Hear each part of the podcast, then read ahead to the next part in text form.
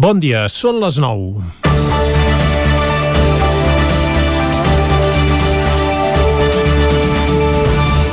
Una trentena d'entitats d'Osona es van reunir dijous passat per reclamar una planificació conjunta de la plana de Vic i per demanar que s'aposti per un model de planificació territorial menys depredador i més respectuós amb el medi ambient i el paisatge.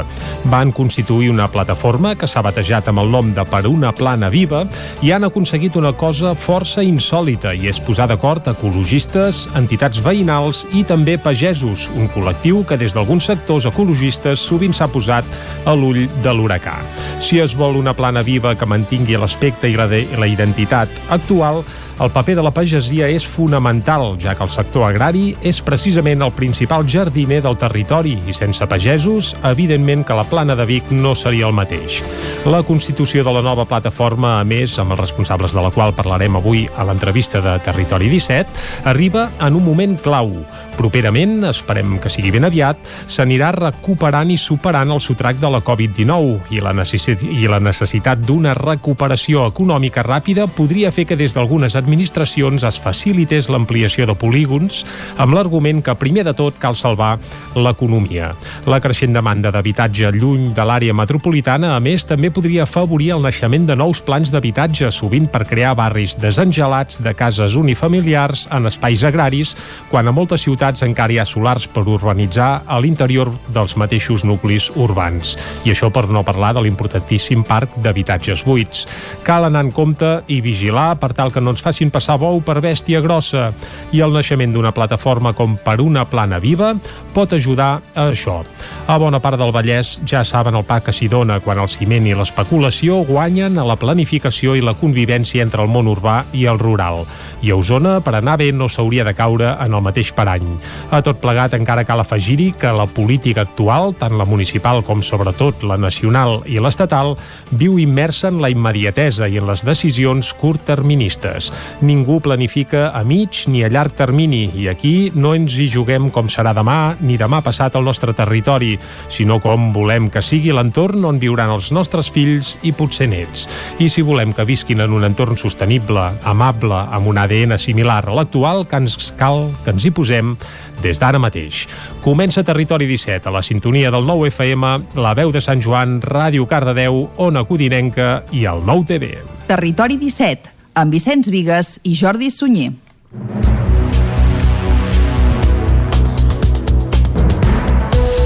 Són les 9 i gairebé 3 minuts del dimarts, dia 16 de març de 2021. Comença aquí un nou Territori 17 que avui, com sempre, durant la primera hora us acostarà tota l'actualitat de les nostres comarques. Després, com que som dimarts, les seccions habituals del segon dia de la setmana. Avui tindrem el Buscar la Vida amb la Txela Falgueres, parlarem d'economia amb en Joan Carles Arredondo i avui acabarem amb novetats discogràfiques d'àmbit nacional, com fem un cop al mes, amb el nostre company Arnau Jaumira. Tot això i moltes coses hores més des d'ara mateix i fins al punt de les 12 i com sempre el que fem és arrencar tot fent una, un cop d'ull a les notícies de les nostres comarques, les comarques del Ripollès, Osona, el Moianès i el Vallès Oriental. Aquest dilluns va entrar en vigor un nou relaxament en les mesures contra la Covid-19, que serà vigent com a mínim durant dues setmanes. Ja no hi ha confinament comarcal i la mobilitat passa a ser lliure per Catalunya sempre i quan es faci amb la bombolla de convivència. En una entrevista al Nou TV, Antoni Trilla, cap del Servei d'Epidemiologia i Medicina Preventiva de l'Hospital Clínic de Barcelona, demanava prudència i que les mesures es compleixin estrictament perquè la corba eh, pandèmica baixa però de manera lenta i per la proximitat amb la Setmana Santa, segons Trilla per Nadal, per de la ciutadania no les va respectar que hem de ser molt prudents. Setmana Santa és diferent de Nadal, també també ho entenc per diferents raons, però aquí sí que seria una bona, un bon exercici pensar que el Nadal no ho vam fer bé, o la majoria ho va fer bé, però alguns no ho van fer bé, i que això ens va costar un disgust just a la tornada, i això és el que no ens podem tornar a permetre. De fet, eh, seria ensopegar de nou, jo crec que ja és la quarta o la cinquena vegada, amb la mateixa trampa. Segurament podrem anar molt més temps sense mascareta al carrer, estic absolutament convençut, però probablement tindrem que seguir portant mascareta al transport públic, fins i tot més enllà de l'any vinent, de manera que tot es anirà una mica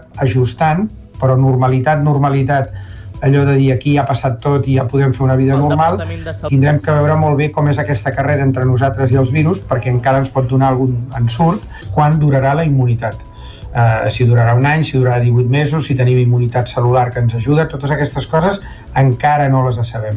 L'altre és com es comportarà el virus quan comencem a estar molta gent vacunada, si aquestes variants que poden aparèixer tindran algun escape de les vacunes o no, L'altre és si aconseguirem, jo crec que sí, avui també hi ha bones notícies de tractaments pels casos, Segons Trilla, que un any després de l'arribada del coronavirus ja hi hagi diverses vacunes s'ha d'entendre com un èxit científic. Explicava que arribar a un 70% de la població vacunada no faria desaparèixer la malaltia, però permetria a la ciutadania protegir-se de brots importants. Gairebé el 10% de la població del Ripollès ha rebut almenys una dosi de la vacuna, tot i que el procés avança amb lentitud. Isaac Muntades, des de la veu de Sant Joan no avança a un ritme vertiginós i actualment només 2.441 persones han rebut la primera dosi de la vacuna. D'aquestes n'hi ha 957 que ja han completat el procés de vacunació després que els hagin administrat les dues dosis del vaccí. Això significa que la població immunitzada no arriba al 10% si només es compta la primera punxada. Si es compta la pauta completa, es frega el 4% del total de la població del Ripollès en protecció contra el virus. El director de l'àrea bàsica de salut de Ripoll, Sant Joan de les Abadeses i Camprodon, Pedro Cabrero, explicava que el pla de vacunació està molt condicionat per les dosis que reben i que han començat a vacunar aquelles persones considerades d'alt risc i molt dependents, a més de tots els residents i personal sanitari d'institucions com residències, centres hospitalaris i centres d'atenció primària. Per il·lustrar l'escassetat de vacunes, Cabrero va posar l'exemple de Camprodon. El gran problema que tenim és que els laboratoris no estan servint vacunes. A Camprodon el dia 22 de febrer van rebre 60 dosis, el dia 1 de març van rebre 96 dosis i el dia 8 de març 12 dosis. Un total de 268 per una població de referència referència de 4.015. Ara, aquestes són les primeres dosis i s'ha d'assegurar que rebin la segona dosis. Per tant, aquí s'està fent una estratègia d'assegurar primer que es puguin vacunar aquests grups, però es vacuna Ripoll com centre vacunal d'AstraZeneca. En grup de col·lectius menors de 50 anys i que siguin treballadors essencials. Mestres, policies, bombers, agents rurals, dentistes, farmacèutics, tot això s'estan vacunant. Estem, de les vacunes que ens estan donant d'AstraZeneca, estem al voltant d'un 68-70% de participació. Tan bon punt ens arribin vacunes, podrem començar a vacunar els majors de 80 anys fora del programa DOM, els majors de 70 anys, així successivament, els menors de 55 anys amb sensibilitat pel que fa a l'índex de risc de rebrot al Ripollès, ha caigut en més de la meitat de punt respecte a fa 7 dies segons les dades del Departament de Salut i observant les últimes xifres disponibles del 5 a l'11 de març. Si dimarts passat se situaven als 479 punts, ara és de només 168. La RT també s'ha desplomat i està lleugerament per sota d'1, concretament a 0,98, molt lluny dels 2,5 punts de fa una setmana. En la darrera setmana amb dades s'han detectat només 19 casos de Covid-19 per PCR o test d'antígens, que equival a una taxa de positivitat que frega el 5,5%. A la comarca s'han s'han confirmat 2.225 casos de la malaltia i s'han produït 78 defuncions. La situació de l'Hospital de Can Davano es manté invariable des del passat 3 de març, segons la informació del centre hospitalari, i actualment hi ha 13 pacients ingressats, dels quals 6 estan a l'àrea d'aguts amb la malaltia activa i 7 a la de sociosanitari, recuperant-se dels estralls de la Covid-19. El centre segueix sense cap professional sanitari positiu i ja ha donat un total de 251 altes. L'esclat de la pandèmia a Osona ara fa un any va canviar la vida a molts professionals sanitaris. És el cas del doctor Joan Serra, cap del Servei de Pneumologia del Consorci Hospitalari de Vic. Amb l'esclat de la pandèmia va deixar enrere les consultes externes i el control de pacients amb patologies cròniques per endinsar-se de ple al dia a dia de l'hospital, un tsunami logístic que va arribar amb els sanitaris desarmats i un virus completament desconegut. El pitjor, la pregunta que tu em pots fer, no? que és el pitjor que hi he trobat, la sensació d'impotència, o sigui, veure que a través d'urgències, baixava a urgències, veies entrar gent, una darrere l'altra, demanant ajuda, s'ofegaven perquè la malaltia respiratòria és molt dura, perquè eh, tu pots controlar el dolor amb una sèrie de fàrmacs, però ofegar-se, no poder respirar, era realment duríssim, no? Ara, en perspectiva, Serra fa balanç de la muntanya russa que ha suposat la crisi sanitària i té clar quina ha estat la pitjor cara de la pandèmia. El més dur per mi era, sobretot, veure morir la gent, intentar ajudar-les, no podies, ells et demanaven ajuda com podia i eh, estaves totalment lligat, no? També té clar quina ha estat la cara més amable de la crisi, veure com pacients de llarga estada sortien de l'hospital pel seu propi peu. La cara bona era els que realment sortien caminant i les infermeres auxiliars aplaudien aquelles persones que plorant sortien de les sales de les sucris aquestes, no? Aquesta és la part més bona dintre de la... si podem dir que hi ha algú bo, no? Serra és optimista, creu que el pitjor ja ha passat, però alerta que a partir d'ara i durant els següents mesos la feina dels pneumòlegs haurà de centrar-se en les seqüeles i les cicatrius que deixen molts casos el coronavirus als pulmons dels pacients. Salut licita les obres de l'ampliació de l'Hospital de Granollers per un cost aproximat de 32 milions i mig d'euros. Més a més, a més a més, cal afegir-hi l'equipament de l'edifici. David Auladell, de Ràdio i Televisió, Cardedeu. El Departament de Salut va licitar dijous passat el concurs per redactar el projecte i executar les obres del nou edifici polivalent de l'Hospital de Granollers, que servirà per donar resposta a les necessitats sorgides amb la pandèmia, ampliar i modernitzar el centre. Un cop publicada la licitació, les empreses interessades disposen d'un termini de 3 setmanes per presentar les seves ofertes. Després caldrà valorar les ofertes presentades i en el termini d'un mes aproximadament es procedirà a l'adjudicació. L'empresa adjudicatària tindrà 7 mesos i mig per redactar el projecte i construir l'edifici. Posteriorment caldrà procedir el seu equipament. La posada en marxa està prevista per finals del 2021. El nou espai d'uns 9.000 metres quadrats allotjarà el servei d'urgències a la planta baixa, amb 90 punts d'atenció.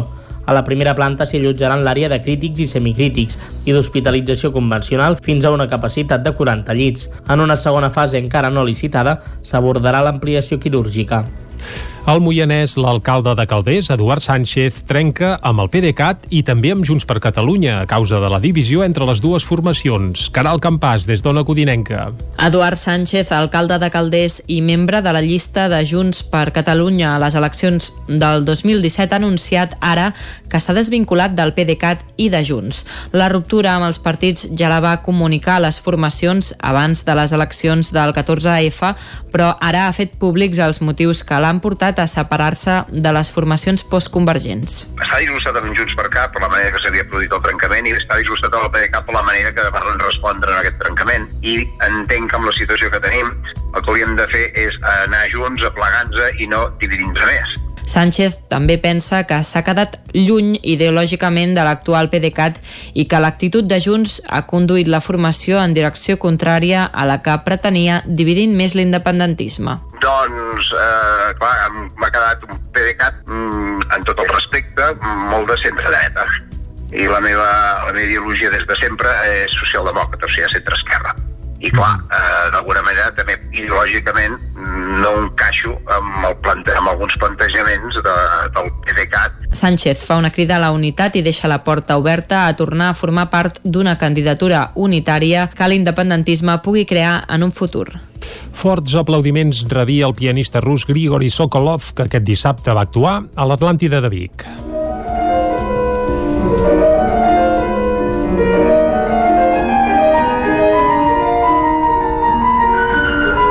El pati de butaques, tan ple com les restriccions per la Covid-19 permetien, van seguir el recital del pianista que va escollir un programa clàssic d'una banda, quatre de les poloneses de Frédéric Chopin, de l'altra els deu preludis de Sergei Rachmaninov. Amb aquest recital, Sokolov tancava el cicle de grans concerts de l'Atlàntida, un programa que es va presentar l'octubre de 2020 i que d'entrada havia programat l'actuació del pianista rus el desembre passat.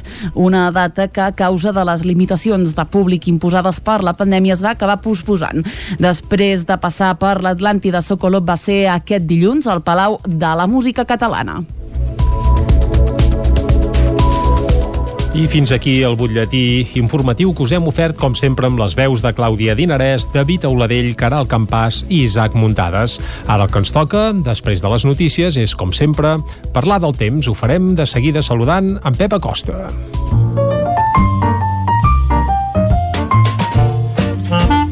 Casa Terradellos us ofereix el temps. Doncs en Pep Acosta ja ens alertava ahir que aquesta setmana seria frescota i que acabaria amb moviment meteorològic. No sé si avui ja ens pot anar afinant la predicció, però de moment el que farem és saludar-lo. Pep, molt bon dia. Molt bon dia. Bon dia, bon Benvinguts dia. Benvinguts un dia més a l'Espai del Temps. Gràcies. Què tal, companys del programa, amics oients? Espero que hàgiu començat bé la setmana, I que tant. ahir hagués anat molt bé, i que avui heu notat, esteu notant com encara fa molt fred aquest matí. Bueno, molt fred. Fa força fred aquest matí. Uh, les temperatures uh, mínimes baixen, han baixat. Uh, és l'ambient aquest fred de bon matí, uh, que durant tot el mes de febrer gairebé no vam tenir.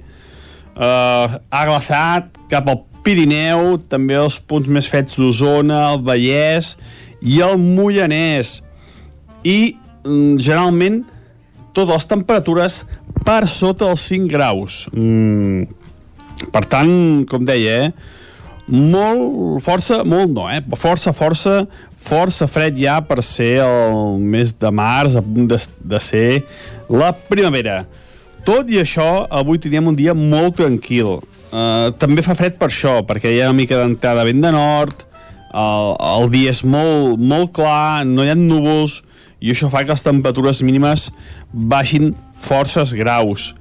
Uh, però com deia, serà un dia molt tranquil, tenim un potent anticicló que ens està afectant a, a sobre nostra i això farà que el dia sigui molt, molt tranquil, com deia. Ara mateix hi ha alguna petita boira, cap Osona, cap a Moianès, també la plana del, del Vallès, boires molt petites encara, no, no són molt intenses ni extenses, i eh, la força del sol ràpidament les dissoldrà i el sol serà l'amo senyor durant tot aquest matí. I a la tarda creixerà alguna nuvolada. Mm, nuvolades típiques ja de, de març avançat, de finals d'hivern i d'inici de primavera, nuvolades sense cap conseqüència, molt inofensives i que deixaran només el cel mig ennuvolat. Independentment de tot això, bufarà el vent. Mm, vent de nord, vent de, de tramuntana, que es diu a l'Empordà, doncs aquest vent de nord es deixa sentir als cims del Pirineu i també cap als cims del Montseny entre 50, 60, 70 km per hora, inclús amb alguna, amb alguna ratxa de més de 70 km per hora, sobretot cap als cims del Pirineu. Eh, no serà cap, mm, cap temporada excepcional, però sí que el vent es deixarà sentir amb força. I eh, de cara als pròxims dies eh, es va confirmant aquesta entrada d'aire fred, aquesta entrada d'aire fred siberià, que ens afectarà a partir de dijous, divendres, però es va esfumant, mm, cada vegada hi ha menys probabilitat de que tinguem pluixes i nevades importants. Eh, seran gruixats i poca, poca cosa. Eh, jo em pensava que plouria molt més i mica en mica es va desfigurant aquesta probabilitat de pluges o nevades fortes. I això és tot. Fins aquí l'espai del temps. Uh, avui un dia tranquil, anticiclònic, i el vent. El vent serà poder l'únic protagonista uh, destacat uh, als cims del Pirineu i també als cims del Montseny. Tot això acompanyat de fred de nit i unes temperatures al migdia força suaus, ja que hi ha moltes hores de sol i per tant la temperatura també al migdia puja, eh? molt contrast entre el dia i la nit. Màximes entre els 14 i els 18 graus, poder 19-20 a les zones més càlides, sobretot del Vallès Oriental. Moltes gràcies i fins demà. Adéu. Vinga, Pep, moltes gràcies a tu. Ja ens queda clar que avui serà un dia tranquil·let, ventilat a les parts altes del territori 17 i que sí que de cara a finals de setmana s'acosten canvis, que evidentment els seguirem com fem cada dia aquí a Territori 17. Ara el que ens toca és fer una breu pausa i de seguida, amb la Clàudia Dinarès, repassarem les portades de la premsa d'avui. Fins ara. Casa Tarradellas us ha ofert aquest espai. Territori 17. Envia'ns les teves notes de veu per WhatsApp al 646 079 023. 646 079 023. WhatsApp Territori 17.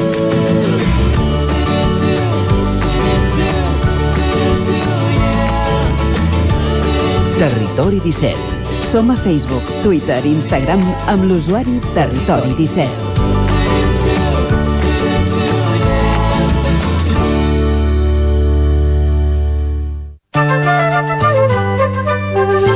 Doncs vinga, tal com hem dit, és el moment d'anar cap al quiosc i per fer-ho saludem de nou a la Clàudia Dinarès. Bon dia de nou, Clàudia. Molt bon dia.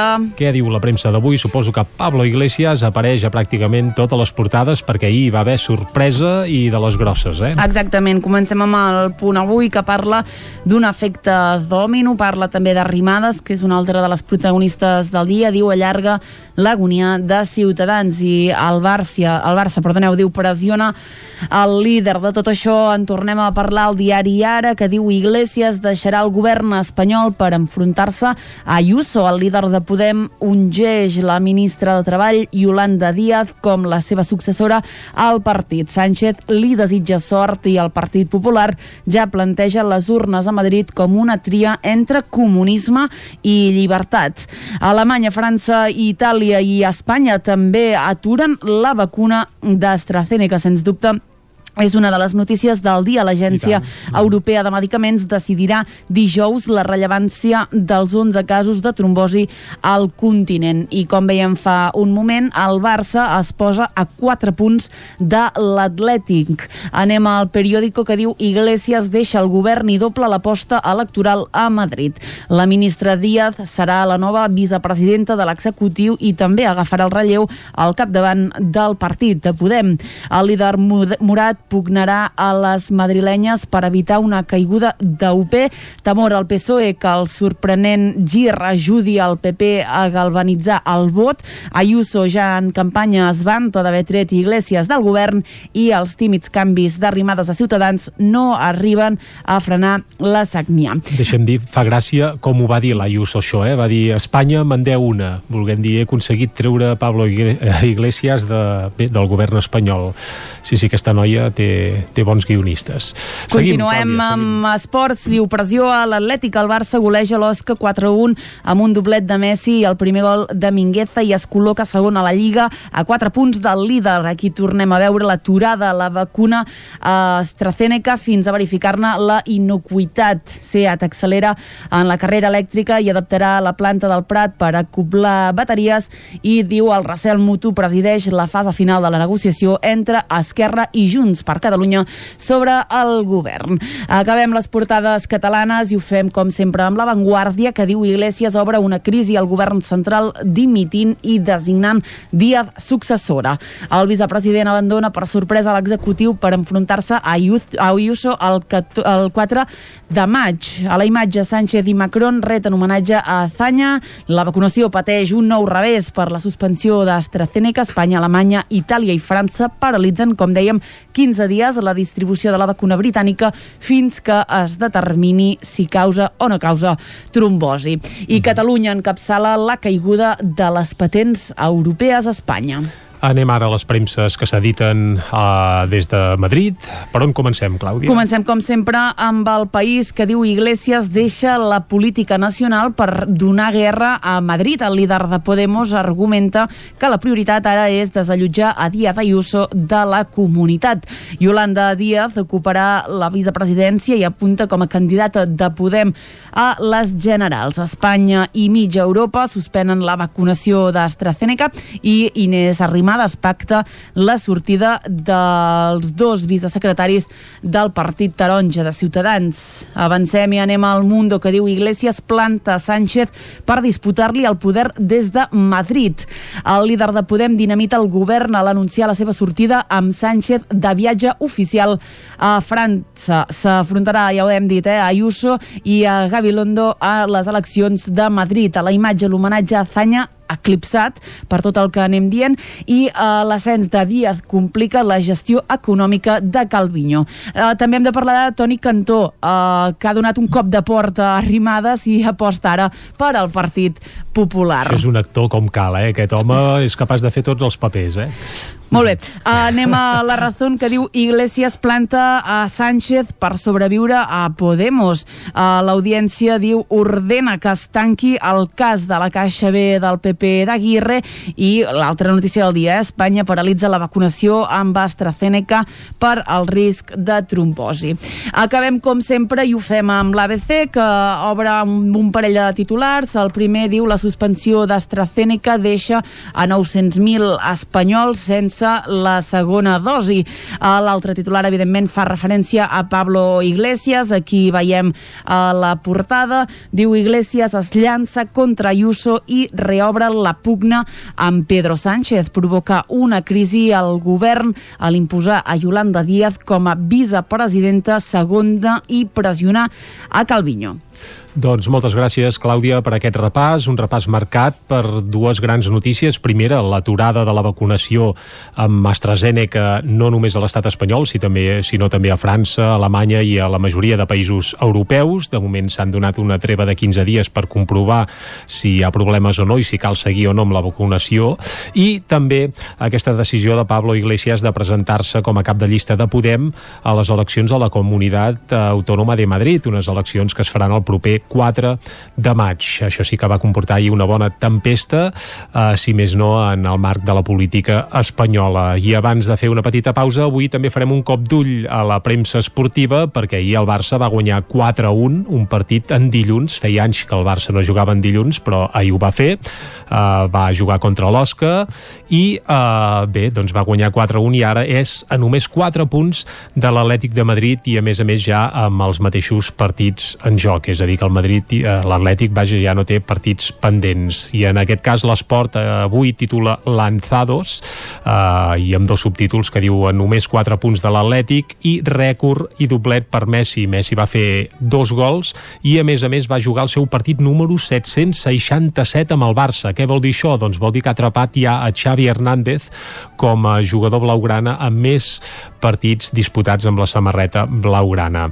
Al Mundo Deportivo titulen Siempre Messi, eh, evidentment també fent referència a l'històric eh, vaja, rècord de Messi amb 767 partits ja jugats en aquest cas amb la samarreta blaugrana.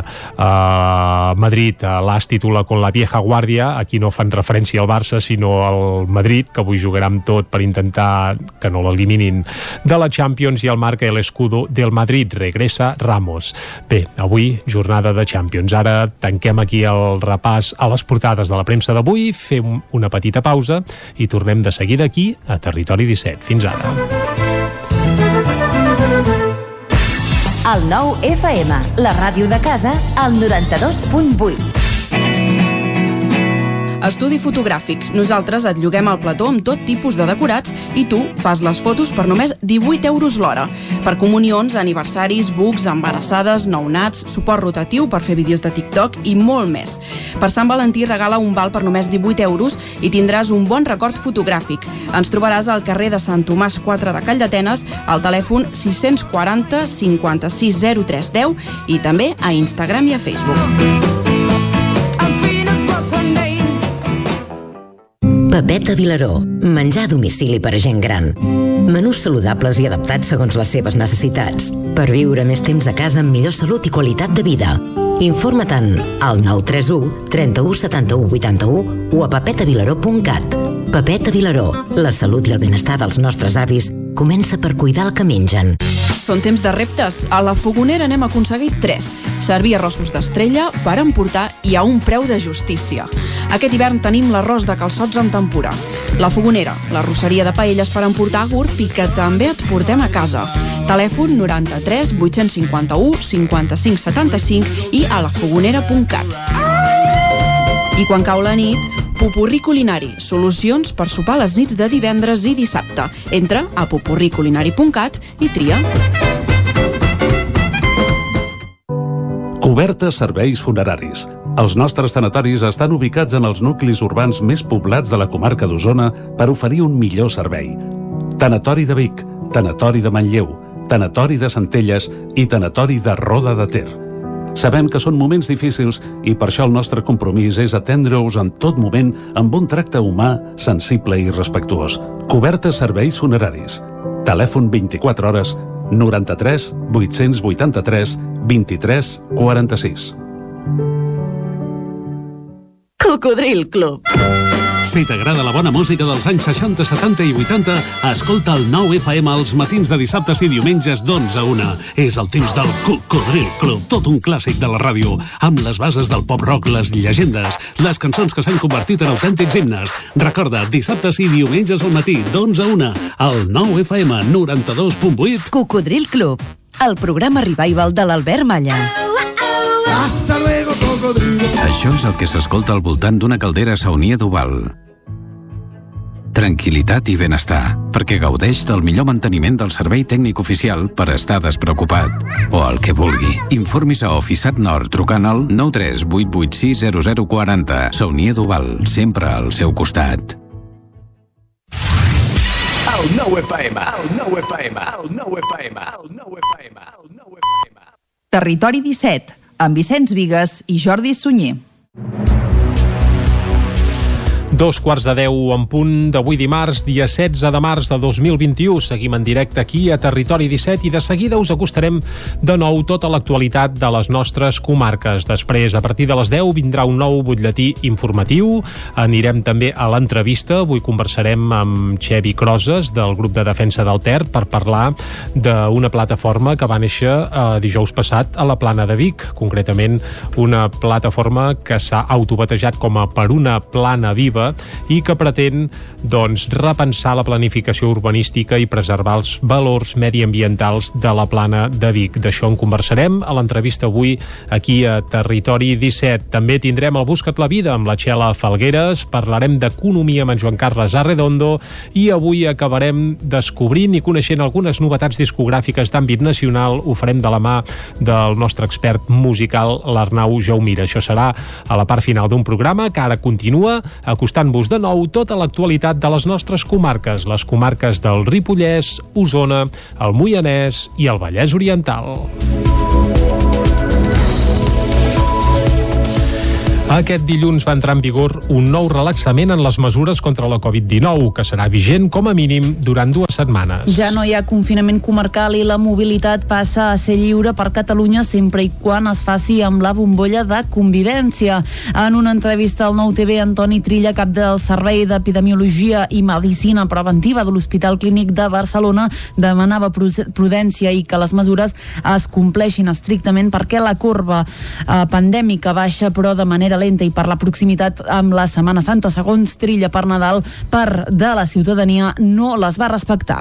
Hem de ser molt prudents, Setmana Santa és diferent de Nadal, també també ho entenc per diferents raons, però aquí sí que seria una bona, un bon exercici pensar el Nadal no ho vam fer bé, o la majoria ho va fer bé, però alguns no ho van fer bé, i que això ens va costar un disgust just a la tornada, i això és el que no ens podem tornar a permetre. De fet, eh, seria ensopegar de nou, jo crec que ja és la quarta o la cinquena vegada, amb la mateixa trampa. Segurament podrem anar molt més temps sense mascareta al carrer, estic absolutament convençut, però probablement tindrem que seguir portant mascareta al transport públic, i fins i tot més enllà de l'any vinent, de manera que tot es anirà una mica ajustant, però normalitat, normalitat, allò de dir aquí ja ha passat tot i ja podem fer una vida El normal, tindrem que veure molt bé com és aquesta carrera entre nosaltres i els virus, perquè encara ens pot donar algun ensurt quan durarà la immunitat. Uh, si durarà un any, si durarà 18 mesos, si tenim immunitat celular que ens ajuda, totes aquestes coses encara no les sabem. L'altre és com es comportarà el virus quan comencem a estar molta gent vacunada, si aquestes variants que poden aparèixer tindran algun escape de les vacunes o no, L'altre és si aconseguirem, jo crec que sí, avui també hi ha bones notícies de tractaments als casos, Segons Trilla, que un any després de l'arribada del coronavirus ja hi hagi diverses vacunes s'ha d'entendre com un èxit científic. Explicava que arribar a un 70% de la població vacunada no faria desaparèixer la malaltia, però permetria a la ciutadania protegir-se de brots importants. Gairebé el 10% de la població del Ripollès ha rebut almenys una dosi de la vacuna, tot i que el procés avança amb lentitud. Isaac Muntades, des de la veu de Sant Joan. No avança a un ritme vertiginós i actualment només 2.441 persones han rebut la primera dosi de la vacuna. D'aquestes n'hi ha 957 que ja han completat el procés de vacunació després que els hagin administrat les dues dosis del vaccí. Això significa que la població immunitzada no arriba al 10% si només es compta la primera punxada. Si es compta la pauta completa, es frega el 4% del total de la població del Ripollès en protecció contra el virus. El director de l'àrea bàsica de salut de Ripoll, Sant Joan de les Abadeses i Camprodon, Pedro Cabrero, explicava que el pla de vacunació està molt condicionat vacunat per les dosis que reben i que han començat a vacunar aquelles persones considerades d'alt risc i molt dependents, a més de tots els residents i personal sanitari d'institucions com residències, centres hospitalaris i centres d'atenció primària. Per il·lustrar l'escassetat de vacunes, Cabrero va posar l'exemple de Camprodon. El gran problema que tenim és que els laboratoris no estan servint vacunes. A Camprodon el dia 22 de febrer van rebre 60 dosis, el dia 1 de març van rebre 96 dosis i el dia 8 de març 12 dosis. Un total de 268 per una població de referència referència de 4.015.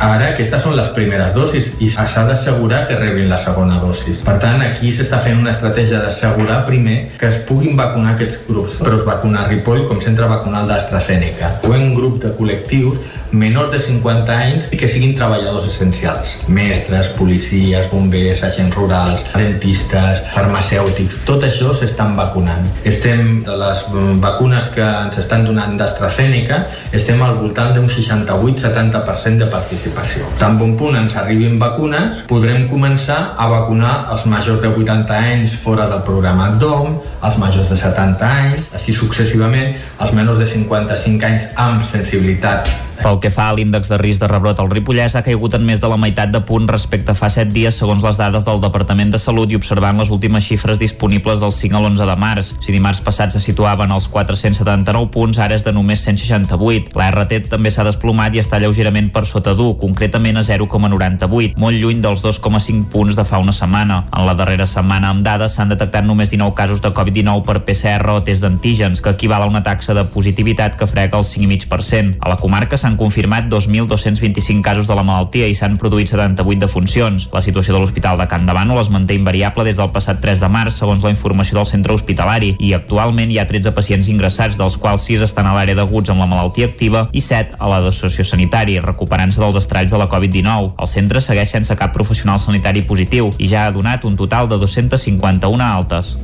L'esclat de la pandèmia a Osona ara fa un any va canviar la vida a molts professionals sanitaris. És el cas del doctor Joan Serra, cap del Servei de Pneumologia del Consorci Hospitalari de Vic. Amb l'esclat de la pandèmia va deixar enrere les consultes externes i el control de pacients amb patologies cròniques per endinsar-se de ple al dia a dia de l'hospital, un tsunami logístic que va arribar amb els sanitaris desarmats i un virus completament desconegut el pitjor, la pregunta que tu em pots fer, no? que és el pitjor que hi he trobat, la sensació d'impotència, o sigui, veure que a través d'urgències, baixava a urgències, veies entrar gent, una darrere l'altra, demanant ajuda, s'ofegaven perquè la malaltia respiratòria és molt dura, perquè eh, tu pots controlar el dolor amb una sèrie de fàrmacs, però ofegar-se, no poder respirar, era realment duríssim, no? Ara, en perspectiva, Serra fa balanç de la muntanya russa que ha suposat la crisi sanitària i té clar quina ha estat la pitjor cara de la pandèmia. El més dur per mi era, sobretot, veure morir la gent, intentar ajudar-les, no podies, ells et demanaven ajuda com podia i eh, estaves totalment lligat, no? També té clar quina ha estat la cara més amable de la crisi, veure com pacients de llarga estada sortien de l'hospital pel seu propi peu. La cara bona era els que realment sortien caminant i les infermeres auxiliars aplaudien aquelles persones que plorant sortien de les sales de les sucris aquestes, no? Aquesta és la part més bona, dintre de la...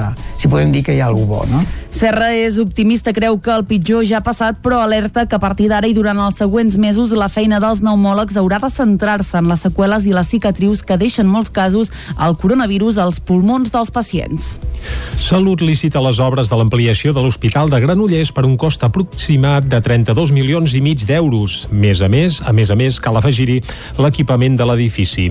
David Auladell, de Ràdio i Televisió, Cardedeu. El Departament de Salut va licitar dijous passat el concurs per redactar el projecte i executar les obres del nou edifici polivalent de l'Hospital de Granollers, que servirà per donar resposta a les necessitats sorgides amb la pandèmia, ampliar i modernitzar el centre.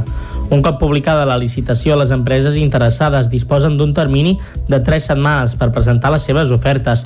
Després caldrà valorar les ofertes presentades i en el termini d'un mes aproximadament es procedirà a l'adjudicació.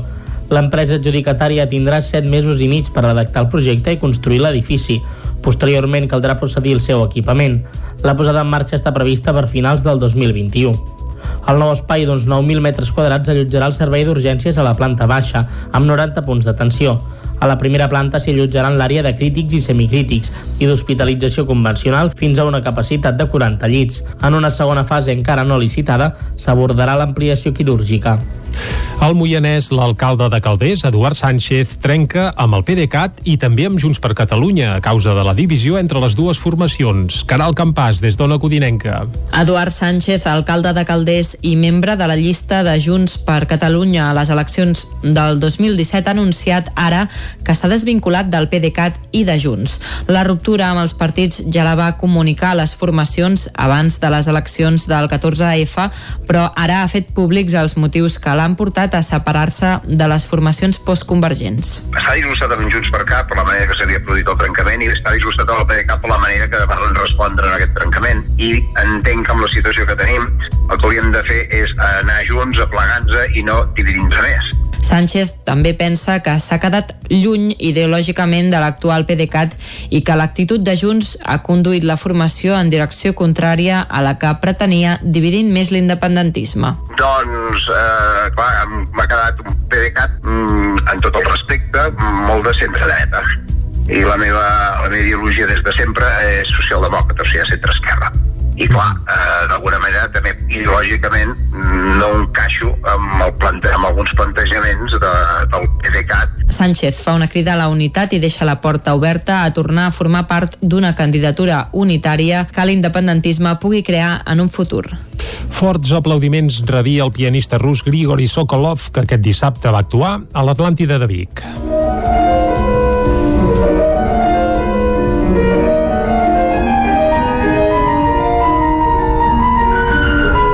El pati de butaques tan ple com les restriccions per la Covid-19 permetien van seguir el recital del pianista que va escollir un programa clàssic d'una banda, quatre de les poloneses de Frédéric Chopin, de l'altra els deu preludis de Sergei Rachmaninov.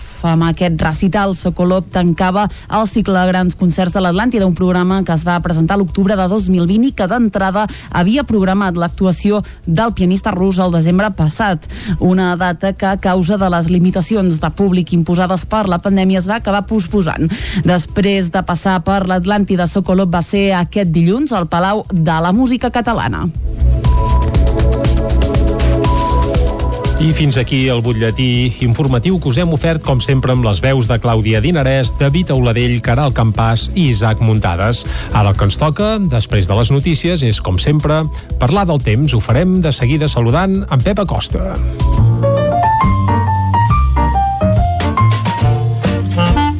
Casa Terradellos us ofereix el temps. Doncs en Pep Acosta ja ens alertava ahir que aquesta setmana seria frescota i que acabaria amb moviment meteorològic. No sé si avui ja ens pot anar afinant la predicció, però de moment el que farem és saludar-lo. Pep, molt bon dia.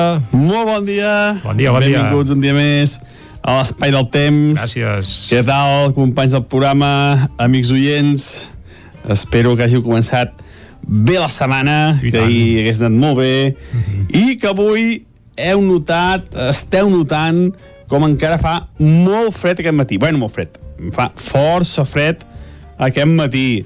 Um, les temperatures uh, mínimes baixen, han baixat. Uh, és l'ambient aquest fred de bon matí uh, que durant tot el mes de febrer gairebé no vam tenir.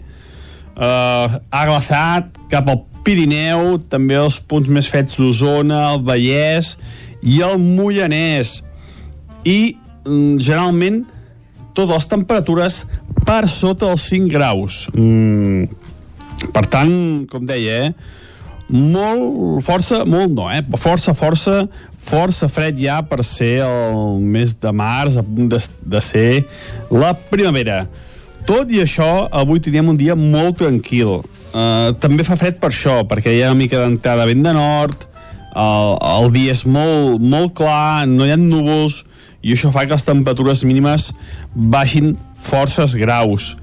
Uh, però com deia, serà un dia molt tranquil, tenim un potent anticicló que ens està afectant a, a sobre nostra i això farà que el dia sigui molt, molt tranquil, com deia. Ara mateix hi ha alguna petita boira, cap a Osona, cap a Moianès, també al Pla del, del Vallès, boires molt petites encara, no, no són molt intenses ni extenses, i eh, la força del sol ràpidament les dissoldrà i el sol serà l'amo i senyor durant tot aquest matí.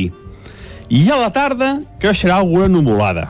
Mm, nuvolades típiques ja de, de març avançat, de finals d'hivern i d'inici de primavera, nuvolades sense cap conseqüència, molt inofensives i que deixaran només el cel mig ennuvolat. Independentment de tot això, bufarà el vent. Mm, Vent de nord, vent de, de tramuntana, que es diu a l'Empordà, doncs aquest vent de nord es deixarà sentir als cims del Pirineu i també cap als cims del Montseny entre 50, 60, 70 km per hora, inclús amb alguna, amb alguna ratxa de més de 70 km per hora, sobretot cap als cims del Pirineu. Eh, no serà cap, mm, cap temporada excepcional, però sí que el vent es deixarà sentir amb força. I eh, de cara als pròxims dies eh, es va confirmant aquesta entrada d'aire fred, aquesta entrada d'aire fred siberià, que ens afectarà a partir de dijous, divendres, però es va esfumant, mm, cada vegada hi ha menys probabilitat de que tinguem pluges i nevades importants. Eh, seran gruixats i poca, poca cosa. Eh, jo em pensava que plouria molt més i mica en mica es va desfigurant aquesta probabilitat de pluges o nevades fortes. I això és tot. Fins aquí l'espai del temps. Uh, avui un dia tranquil, anticiclònic, i el vent. El vent serà poder l'únic protagonista uh, destacat uh, als cims del Pirineu i també als cims del Montseny.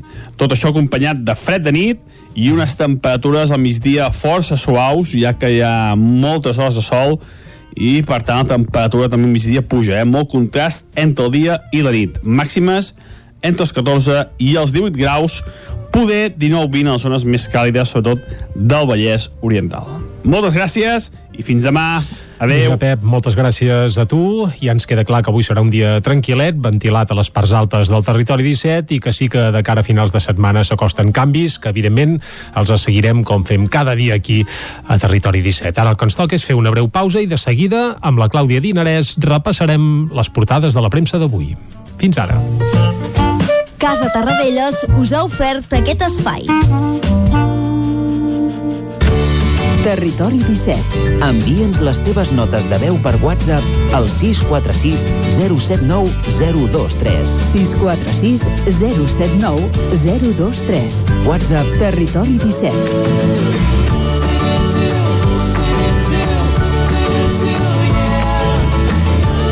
Territori 17. Som a Facebook, Twitter i Instagram amb l'usuari Territori 17.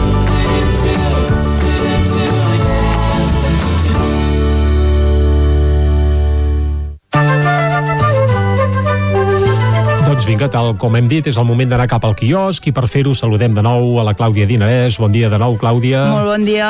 Què diu la premsa d'avui? Suposo que Pablo Iglesias apareix a pràcticament totes les portades perquè ahir va haver sorpresa i de les grosses, eh? Exactament, comencem amb el punt avui que parla d'un efecte dòmino, parla també d'Arrimades, que és una altra de les protagonistes del dia, diu allarga l'agonia de Ciutadans i el Barça, el Barça, perdoneu, diu pressiona el líder de tot això, en tornem a parlar al diari Ara, que diu Iglesias deixarà el govern espanyol per enfrontar-se a Ayuso, el líder de Podem ungeix la ministra de Treball Yolanda Díaz com la seva successora al partit. Sánchez li desitja sort i el Partit Popular ja planteja les urnes a Madrid com una tria entre comunisme i llibertat.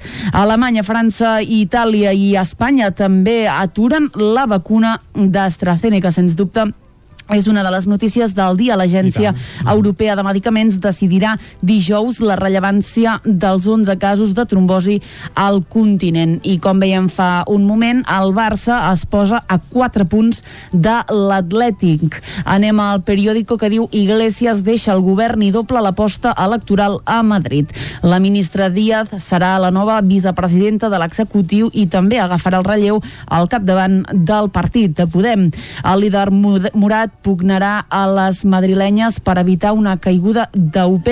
Temor al PSOE que el sorprenent gir ajudi al PP a galvanitzar el vot. Ayuso ja en campanya es vanta d'haver tret Iglesias del govern i els tímids canvis d'arrimades a Ciutadans no arriben a frenar la sagnia. Deixem dir, fa gràcia com ho va dir l'Ayuso això, eh? va dir Espanya me'n deu una, volguem dir he aconseguit treure Pablo Iglesias de, bé, del govern espanyol. Sí, sí, aquesta noia té, té bons guionistes. Continuem seguim, Clàudia, amb esports. Diu pressió a l'Atlètic. El Barça goleja l'Osca 4-1 amb un doblet de Messi i el primer gol de Mingueza i es col·loca segon a la Lliga a 4 punts del líder. Aquí tornem a veure l'aturada, la vacuna eh, AstraZeneca fins a verificar-ne la inocuitat. SEAT accelera en la carrera elèctrica i adaptarà la planta del Prat per acoblar bateries i diu el recel mutu presideix la fase final de la negociació entre Esquerra i Junts per Catalunya sobre el govern. Acabem les portades catalanes i ho fem com sempre amb l'avantguàrdia que diu Iglesias obre una crisi al govern central dimitint i designant Díaz successora. El vicepresident abandona per sorpresa l'executiu per enfrontar-se a Ayuso el, el 4 de maig. A la imatge, Sánchez i Macron reten homenatge a Azanya. La vacunació pateix un nou revés per la suspensió d'AstraZeneca. Espanya, Alemanya, Itàlia i França paralitzen, com dèiem, 15 dies la distribució de la vacuna britànica fins que es determini si causa o no causa trombosi. I Catalunya encapçala la caiguda de les patents europees a Espanya. Anem ara a les premses que s'editen uh, des de Madrid.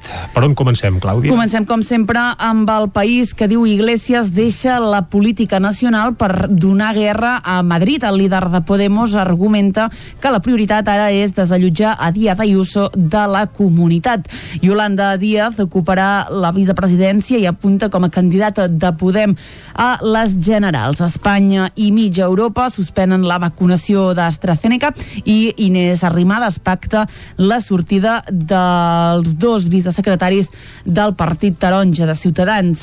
Avancem i anem al Mundo que diu Iglesias planta Sánchez per disputar-li el poder des de Madrid. El líder de Podem dinamita el govern a l'anunciar la seva sortida amb Sánchez de viatge oficial a França. S'afrontarà, ja ho hem dit, eh, a Ayuso i a Gabilondo a les eleccions de Madrid. A la imatge l'homenatge a Zanya eclipsat per tot el que anem dient i eh, l'ascens de Díaz complica la gestió econòmica de Calviño. Eh, també hem de parlar de Toni Cantó, eh, que ha donat un cop de porta a Rimades i aposta ara per al Partit Popular. Això és un actor com cal, eh? Aquest home és capaç de fer tots els papers, eh? Molt bé. Uh, anem a la raó que diu Iglesias planta a Sánchez per sobreviure a Podemos. Uh, L'audiència diu ordena que es tanqui el cas de la Caixa B del PP d'Aguirre i l'altra notícia del dia, Espanya paralitza la vacunació amb AstraZeneca per al risc de trombosi. Acabem com sempre i ho fem amb l'ABC que obre un parell de titulars. El primer diu la suspensió d'AstraZeneca deixa a 900.000 espanyols sense la segona dosi. L'altre titular, evidentment, fa referència a Pablo Iglesias. Aquí veiem a la portada. Diu Iglesias es llança contra Ayuso i reobre la pugna amb Pedro Sánchez. Provoca una crisi al govern a l'imposar a Yolanda Díaz com a vicepresidenta segona i pressionar a Calviño. Doncs moltes gràcies, Clàudia, per aquest repàs. Un repàs marcat per dues grans notícies. Primera, l'aturada de la vacunació amb AstraZeneca no només a l'estat espanyol, sinó també, sinó també a França, a Alemanya i a la majoria de països europeus. De moment s'han donat una treva de 15 dies per comprovar si hi ha problemes o no i si cal cal seguir o no amb la vacunació i també aquesta decisió de Pablo Iglesias de presentar-se com a cap de llista de Podem a les eleccions a la Comunitat Autònoma de Madrid, unes eleccions que es faran el proper 4 de maig. Això sí que va comportar ahir una bona tempesta, eh, si més no en el marc de la política espanyola. I abans de fer una petita pausa, avui també farem un cop d'ull a la premsa esportiva perquè ahir el Barça va guanyar 4-1, un partit en dilluns. Feia anys que el Barça no jugava en dilluns, però ahir ho va fer. Uh, va jugar contra l'Osca i uh, bé, doncs va guanyar 4-1 i ara és a només 4 punts de l'Atlètic de Madrid i a més a més ja amb els mateixos partits en joc, és a dir que el Madrid, uh, l'Atlètic, vaja, ja no té partits pendents i en aquest cas l'esport uh, avui titula Lanzados uh, i amb dos subtítols que diuen només 4 punts de l'Atlètic i rècord i doblet per Messi. Messi va fer dos gols i a més a més va jugar el seu partit número 767 amb el Barça. Què vol dir això? Doncs vol dir que ha atrapat ja a Xavi Hernández com a jugador blaugrana amb més partits disputats amb la samarreta blaugrana. Al Mundo Deportivo titulen Siempre Messi, eh, evidentment també fent referència a l'històric eh, vaja, rècord de Messi amb 767 partits ja jugats en aquest cas amb la samarreta blaugrana. Uh, Madrid, uh, l'As titula con la vieja guàrdia, aquí no fan referència al Barça sinó al Madrid, que avui jugarà amb tot per intentar que no l'eliminin de la Champions i el marca el escudo del Madrid, regressa Ramos. Bé, avui jornada de Champions jornada de, de Champions avui, exacte. Uh, però bé, ara no parlarem de futbol, sinó que el que ens toca a la part final de la primera hora de Territori 17 és parlar de música. Cada dia obrim una finestreta, això, a la música, per alegrar-nos una mica, i avui tenim una cançó molt especial.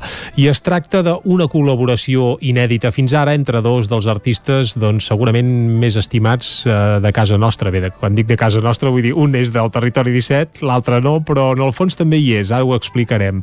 Es tracta del Guillem Roma, eh, l'hem escoltat ja algunes vegades aquí a Territori 17, i de la Sílvia Pérez Cruz, eh, aquesta mítica veu coneguda arreu de, del món pràcticament, i que sí que té un bé, diguem, un, un, una vessant, fins i tot podríem dir que usonenca, i és que la Sílvia Pérez Cruz és companya de l'actor Ivan Benet, biguetà, per tant, ni que siguin directament, diguem que, que bé, que té una branca usonenca també, doncs tots dos plegats eh, han cantat un fantàstic bolero que formarà part del nou disc del Guillem Roma. El nou disc del Guillem Roma s'editarà a finals d'aquest mes de març, es titularà Kiribati, que Kiribati resulta que és eh, bé, el nom d'un país que està situat al Pacífic, a l'oceà Pacífic, i es considera que serà el primer país sencer que quedarà engolit sota el mar eh, un cop el canvi climàtic doncs, es vagi accelerant, cosa que pot passar d'aquí a pocs anys. I això, el Guillem, per intentar fer pedagogia i un crit d'alerta a tota aquesta situació d'emergència climàtica que vivim, doncs ha titulat com a Kiribati el que serà el seu nou disc, que, recordem-ho, arribarà a dalt de l'escenari, per exemple, el 27 de març a Vic, on es farà l'estrena, diguem-ne, mundial d'aquest nou disc, en aquest cas a l'Atlàntida. I una de les peces que hi haurà en aquest disc és la Profecia, aquest bolero que han cantat a dues veus entre el Guillem i la Sílvia i que escoltem ara mateix fins a arribar al punt de les 10. Una cançonassa que us enamorarà, ja ho veureu. Tornem a les 10 en punt a Territori 17. Y no paren las flores de florecer cuando el azul del mar cubra todos los puertos y acalle las ganas de quemar combustible en medio de este incendio.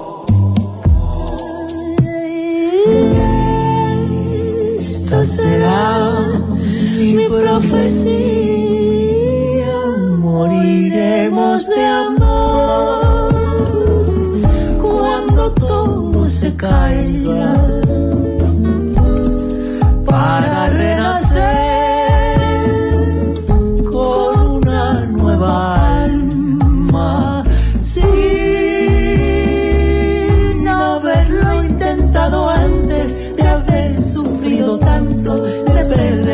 demasiado por no ver cuándo parar.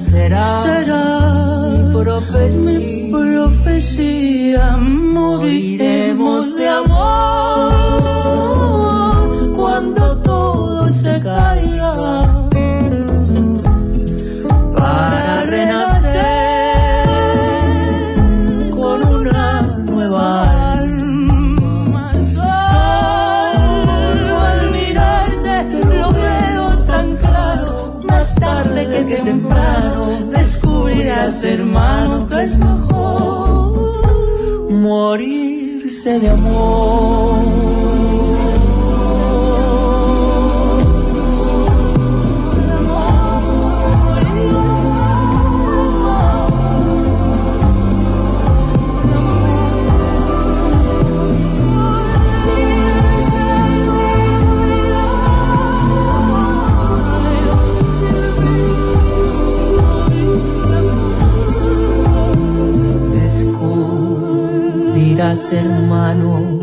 es mejor morirse de amor.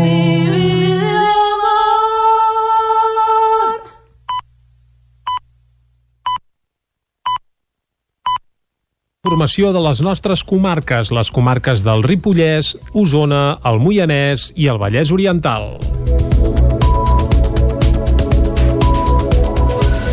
Absolt el professor d'hípica de Vilallonga de Ter que s'enfrontava a 3 anys de presó per tocar el cul a una menor. Isaac Muntades, des de la veu de Sant Joan. L'Audiència de Girona va absoldre el professor d'hípica de Vilallonga de Ter que s'enfrontava a una pena de 3 anys de presó per tocar el cul a una menor que era alumna seva. La sentència deia que el dia 19 de gener del 2019 a la tarda, la menor, que aleshores tenia 15 anys, volia acariciar un neuga que solia muntar i va entrar a les quadres. Com que l'animal no es deixava, el processat va dir-li a la noia que entrés a l'estable per ensenyar-li a tocar el cavall sense perill perquè tranquil·litzés i tot seguit va tancar la porta. La sentència va concloure que no havia quedat provat que l'acusat abusés sexualment de la menor i com que l'acusació es fonamenta amb el testimoni de la víctima i el tribunal va considerar que no arribava a superar el llistó de fiabilitat per una condemna, la magistrada Sònia Losada va absoldre el professor. La secció tercera de l'Audiència de Girona va determinar que no havia resultat provat que el processat abracés fes un petó a la galta i toqués en dues ocasions les natges de la menor. La sentència detallava que la menor havia incorregut en contradiccions en les diferents declaracions que havia fet al llarg del temps i no només en aspectes que puguin quedar diluïts en la memòria del pas dels dies, sinó pel trauma que li haguessin pogut causar els suposats abusos. La sala també va exposar que la menor, tan bon punt va sortir de la zona de quadres, va reconèixer que potser havia malinterpretat l'acusat i, per tant, segons la sentència, el dret a la presumpció d'innocència no podia decaure per una sensació, i més quan la conducta de l'acusat podia venir motivada pel fet d'estar a prop del cavall amb la finalitat d'evitar que fes algun gest que pogués lesionar la menor, un fet que la sentència creia que no es podia desdanyar, sobretot tenint en compte les dimensions de la quadra i les del cavall, unes mides que obligaven a mantenir una proximitat física. De totes maneres, el tribunal va aclarir que no deien que la declaració de la menor fos falsa, fabulada o directament mentida, sinó que simplement que el relat no superava la persistència necessària en els elements essencials de l'acció que s'atribueix a l'acusat per enervar la presumpció d'innocència del professor d'hípica. Un home va ser detingut dissabte al vespre a la comissaria dels Mossos d'Esquadra a Vic després d'entrar-hi amb una granada de mà i una arma simulada. L'home va llançar les armes al policia que hi havia a l'entrada, el va reduir i després va detectar que la granada era un encenedor i que el suposat trabuc mig trencat també era fals. El detingut, una persona qui ja coneixien a la comissaria per altres incidents, presentava símptomes d'estar sota els efectes de l'alcohol segons els Mossos i després de ser detingut va ingressar a l'hospital per fer-li una valoració. Des del cos descarten totalment que l'incident d'aquest dissabte tingui res a veure amb l'atac a l'edifici durant la manifestació del, 20, ah, del 16 de febrer. Aquells fets, després d'una manifestació de suport al raper Pablo Hasél, han motivat que els Mossos replantegin el model de seguretat a comissaries com les de Vic. I no deixem de parlar de successos perquè els Mossos d'Esquadra van detenir divendres tres homes d'entre 21 i 23 anys acusats de robar a cinc establiments del centre de Vic. Pels vols de les 9 del matí de divendres, els Mossos van rebre l'avís d'un testimoni que acabava de veure com dos lladres fugien després de robar dins d'un restaurant. Van trencar els vidres per accedir a l'interior del local i emportar-se ampolles de refresc i diners de l'interior. Tot seguit van fugir i es van reunir amb una tercera persona per repartir-se el botí. Immediatament es va muntar un dispositiu policial que va permetre localitzar el carrer Vallès un dels lladres. En el moment de la seva detenció se li va intervenir diferents begudes que acabava de sostreure. Poc després, una altra patrulla de Mossos va localitzar al carrer Virrei Avilés altres dos, els altres dos autors. Aquests dos detinguts portaven dues bosses plenes d'objectes que havien sostret aquella mateixa matinada. Els tres detinguts se'ls acusa de cinc robatoris amb força a l'interior d'establiments comercials del centre de Vic comesos aquella mateixa nit. En tots els casos forçaven els accessos i robaven objectes petits i fàcils d'ocultar com joies, rellotges i diners en efectiu. Els detinguts amb antecedents van passar dissabte a disposició del jutjat d'instrucció en funcions de Guàrdia de Vic. Més crònica de successos. Dos detinguts per robar a sis comerços de Mollà i Castellterçol. Actuaven de nit i trencaven el vidre per entrar als negocis i endur-se diners i begudes. Caral Campàs, des d'Ona Codinenca. Els Mossos d'Esquadra han detingut un home de 21 anys i veí de Mollà com a presumpte autor de sis robatoris amb força al Moianès. La detenció es va fer efectiva aquest passat dimecres després d'obrir-se una investigació prèvia. Un dia abans també es va detenir un menor d'edat per la seva seva presumpta implicació en un d'aquests robatoris. Els fets delictius van passar entre el desembre, gener i febrer a establiments del centre de les dues poblacions. Els autors utilitzaven el mateix modus operandi. Actuaven de nit i trencaven el vidre de la porta principal de la botiga. Un cop dins s'emportaven diners en efectiu i en alguna ocasió begudes alcohòliques. Arran de la investigació, el cos policial va descobrir que una mateixa persona havia comès els sis robatoris i que en un d'aquests també hi havia participat un menor. A més, van constatar que amb el menor també s'havia comès un furt en un supermercat de Castellterçol d'on es va sostreure més de 5.600 euros.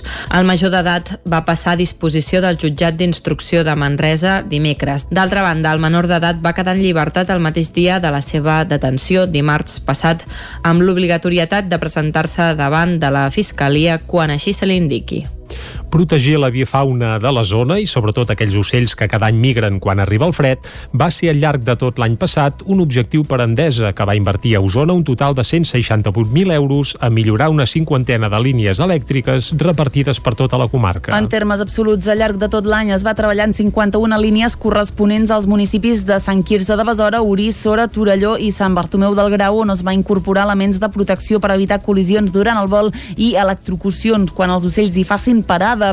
En els darrers anys a Osona ja s'hi ha viscut episodis recurrents d'electrocucions d'ocells, sobretot de cigonyes. Els treballs d'adaptació van pivotar al voltant de tres eixos principals. La reforma del cap de les torres, la modificació de parellatges ja existents i la instal·lació de nous elements de protecció com espirals o espantaocells. Aquestes accions, a més de protegir les aus, també permeten assegurar una millor qualitat en el servei ofert per l'empresa evitant talls provocats per accidents. En total, Endesa va invertir a Catalunya Catalunya el 2020 prop de 2,2 milions d'euros a millorar gairebé 660 línies. Des de dilluns passat i fins ahir, els aparadors, balcons i finestres de Cardedeu es van vestir de color lila per reivindicar el Dia de la Dona Treballadora. La iniciativa va sorgir de l'Escola de Dansa Vanessa Fernández i s'hi van sumar altres entitats del municipi. David Auladell, de Ràdio i Televisió, Cardedeu. Aparadors, finestres i balcons de tot Cardedeu es van vestir de lila pel Dia Internacional de la Dona Treballadora. La iniciativa va sorgir de diverses entitats del municipi que, degut a que no es podia fer una convocatòria massiva pel 8 de març, març, van decidir animar la gent a decorar els aparadors dels comerços, les finestres i els balcons amb temàtica lliure, però amb predomini del color lila per participar en un concurs fotogràfic on la xarxa de comerç de Cardedeu va entregar els premis a la millor decoració. Cecília Martí, de Cardedeu per tothom. En temps de pandèmia, que no es poden fer manifestacions massives, és una manera de manifestar-se i reivindicar el feminisme. A més, és una activitat creativa i participativa. N'hem rebut un munt de fotografies i vídeos en què àvies i netes, mares i filles, tietes i nebodes guarnien els seus balcons de color lila. Més enllà del nombre de fotografies, que n'hem rebut unes quantes, més de 40, ens ha sorprès la implicació del poble. Ha estat emocionant veure com els carrers Sant Ramon i Hospital estaven plens de missatges feministes. Aquesta iniciativa va sorgir de l'Escola de Dansa Vanessa Fernández i s'hi van sumar les entitats de Cardedeu per a tothom i la xarxa de comerç de Cardedeu. I fins aquí el butlletí informatiu de les 10 del matí que us hem ofert amb les veus de Clàudia Dinarès, David Auladell, Caral Campàs i Isaac Muntades. I com sempre, ara arribats a aquest punt, el que farem és saludar de nou el Pep Acosta perquè ens expliqui el temps que ha de fer per a les properes hores. Anem-hi! Casa Terradellos us ofereix el temps. Doncs vinga, saludem altra vegada en Pep, aquí ja hem escoltat a la primera hora de Territori 17, per ara hi tornem, eh? Bon dia, Pep. Molt bon dia. Molt bon dia. Benvinguts un dia més Gràcies. a l'Espai del Temps. Mm -hmm. Què tal, companys del programa, fent, amics fent. oients? Espero que hàgiu començat bé la setmana, que ahir hagués anat molt bé, i que avui heu notat, esteu notant, com encara fa molt fred aquest matí. Bueno, molt fred. Fa força fred aquest matí. Um, les temperatures uh, mínimes baixen, han baixat. Uh, és l'ambient aquest fred de bon matí uh, que durant tot el mes de febrer gairebé no vam tenir. Uh, ha glaçat cap al Pirineu, també els punts més freds d'Osona, el Vallès i el Moianès. I generalment totes les temperatures per sota els 5 graus. Mm, per tant, com deia, eh, molt, força, molt no, eh? Força, força, força fred ja per ser el mes de març, a punt de, de ser la primavera. Tot i això, avui teníem un dia molt tranquil. Uh, també fa fred per això, perquè hi ha una mica d'entrada vent de nord, el, el dia és molt, molt clar, no hi ha núvols, i això fa que les temperatures mínimes baixin forces graus. Uh, però com deia, serà un dia molt tranquil, tenim un potent anticicló que ens està afectant a, a sobre nostra i això farà que el dia sigui molt, molt tranquil, com deia. Ara mateix hi ha alguna petita boira, mm, cap a Osona, cap a Moianès, també a la plana del, del Vallès, boires molt petites encara, no, no són molt intenses ni extenses, i eh, la força del sol ràpidament les dissoldrà i el sol serà l'amo i senyor durant tot aquest matí. I a la tarda creixerà alguna nuvolada. Mm, nuvolades típiques ja de, de març avançat, de finals d'hivern i d'inici de primavera, nuvolades sense cap conseqüència, molt inofensives i que deixaran només el cel mig ennuvolat. Independentment de tot això, bufarà el vent. Mm, Vent de nord, vent de, de tramuntana, que es diu a l'Empordà, doncs aquest vent de nord es deixa sentir als cims del Pirineu i també cap als cims del Montseny. Entre 50, 60, 70 km per hora, inclús amb alguna, amb alguna ratxa de més de 70 km per hora, sobretot cap als cims del Pirineu. Eh, no serà cap, mm, cap temporada excepcional, però sí que el vent es deixarà sentir amb força. I eh, de cara als pròxims dies eh, es va confirmant aquesta entrada d'aire fred, aquesta entrada d'aire fred siberià, que ens afectarà a partir de dijous, divendres, però es va esfumant, mm, cada vegada hi ha menys probabilitat de que tinguem pluges i nevades importants. Eh, seran gruixats i poca, poca cosa. Eh, jo em pensava que plouria molt més i mica en mica es va desfigurant aquesta probabilitat de pluges o nevades fortes. I això és tot. Fins aquí l'espai del temps. Uh, avui un dia tranquil, anticiclònic, i el vent. El vent serà poder l'únic protagonista uh, destacat uh, als cims del Pirineu i també als cims del Montseny. Mm -hmm. Tot això acompanyat de fred de nit i unes temperatures al migdia força suaus, ja que hi ha moltes hores de sol i per tant la temperatura també al migdia puja, eh? molt contrast entre el dia i la nit. Màximes entre els 14 i els 18 graus, poder 19-20 a les zones més càlides, sobretot del Vallès Oriental. Moltes gràcies i fins demà. Adéu. Vinga, moltes gràcies a tu, Pep. Salut, a reveure, i nosaltres el que farem ara és de seguida anar cap a l'entrevista. De eh, res, mig minutet, i saludem el Xavier Croses, del grup de defensa del Ter, amb qui parlarem de la Constitució o de la resurrecció, ho descobrirem de seguida, de la plataforma per una plana viva. Tots els detalls de seguida, aquí, a Territori 17. Fins ara. Casa Tarradellas us ha ofert aquest espai. Territori 17. Envia'ns les teves notes de veu per WhatsApp al 646 079 023. 646 079 023. WhatsApp Territori 17.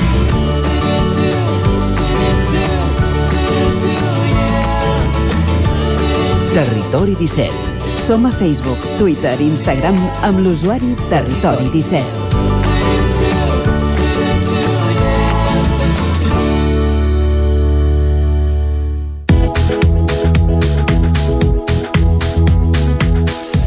Un minut i serà un quart d'onze del matí. Seguim en directe aquí a Territori 17.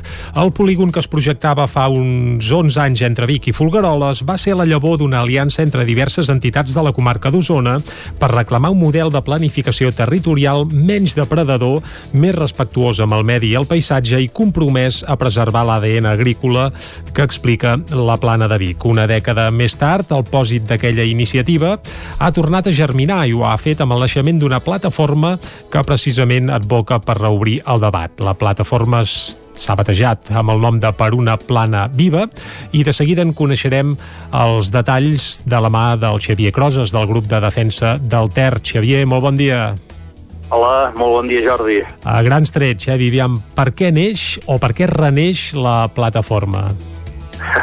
Bé, que ho has explicat bastant bé, eh? va néixer, com bé dius, fa uns anys, eh, fruit d'una mica del macropolígon, i de moltes denúncies que rebem de diferents agressions a, a, al territori, i, i jo eh, realment em va, em va, vaig participar d'aquella plataforma fa uns anys i, i, i aquell esperit que hi vaig veure en la gent i en la, la filosofia que hi havia em va, em va captivar, em va agradar. Eh, I llavors, uns anys més tard, eh, ara mateix eh, doncs, continuem rebent doncs, moltes denúncies de ciutadans, de, de, de gent molt preocupada perquè el, pel creixement dels seus pobles, eh, ara pagesos doncs, per això dels, eh, els estan apretant molt pels parcs eh, fotovoltaics, eh, per posar grans parcs eh, en terreny rústic, eh, el macropolígon de Foguerola sembla que es torna eh, a despertar. I, i tot això eh, va dir, ostres, eh, nosaltres no és que ens haguem d'anar, no tenim ganes d'anar-nos oposant a tots els projectes, és que nosaltres no volem ser els del... És que nosaltres tenim un model de, de comarca que crec que, que seria el que podria funcionar i que seria el que, el que podria donar resposta a molts dels reptes que tenim de futur.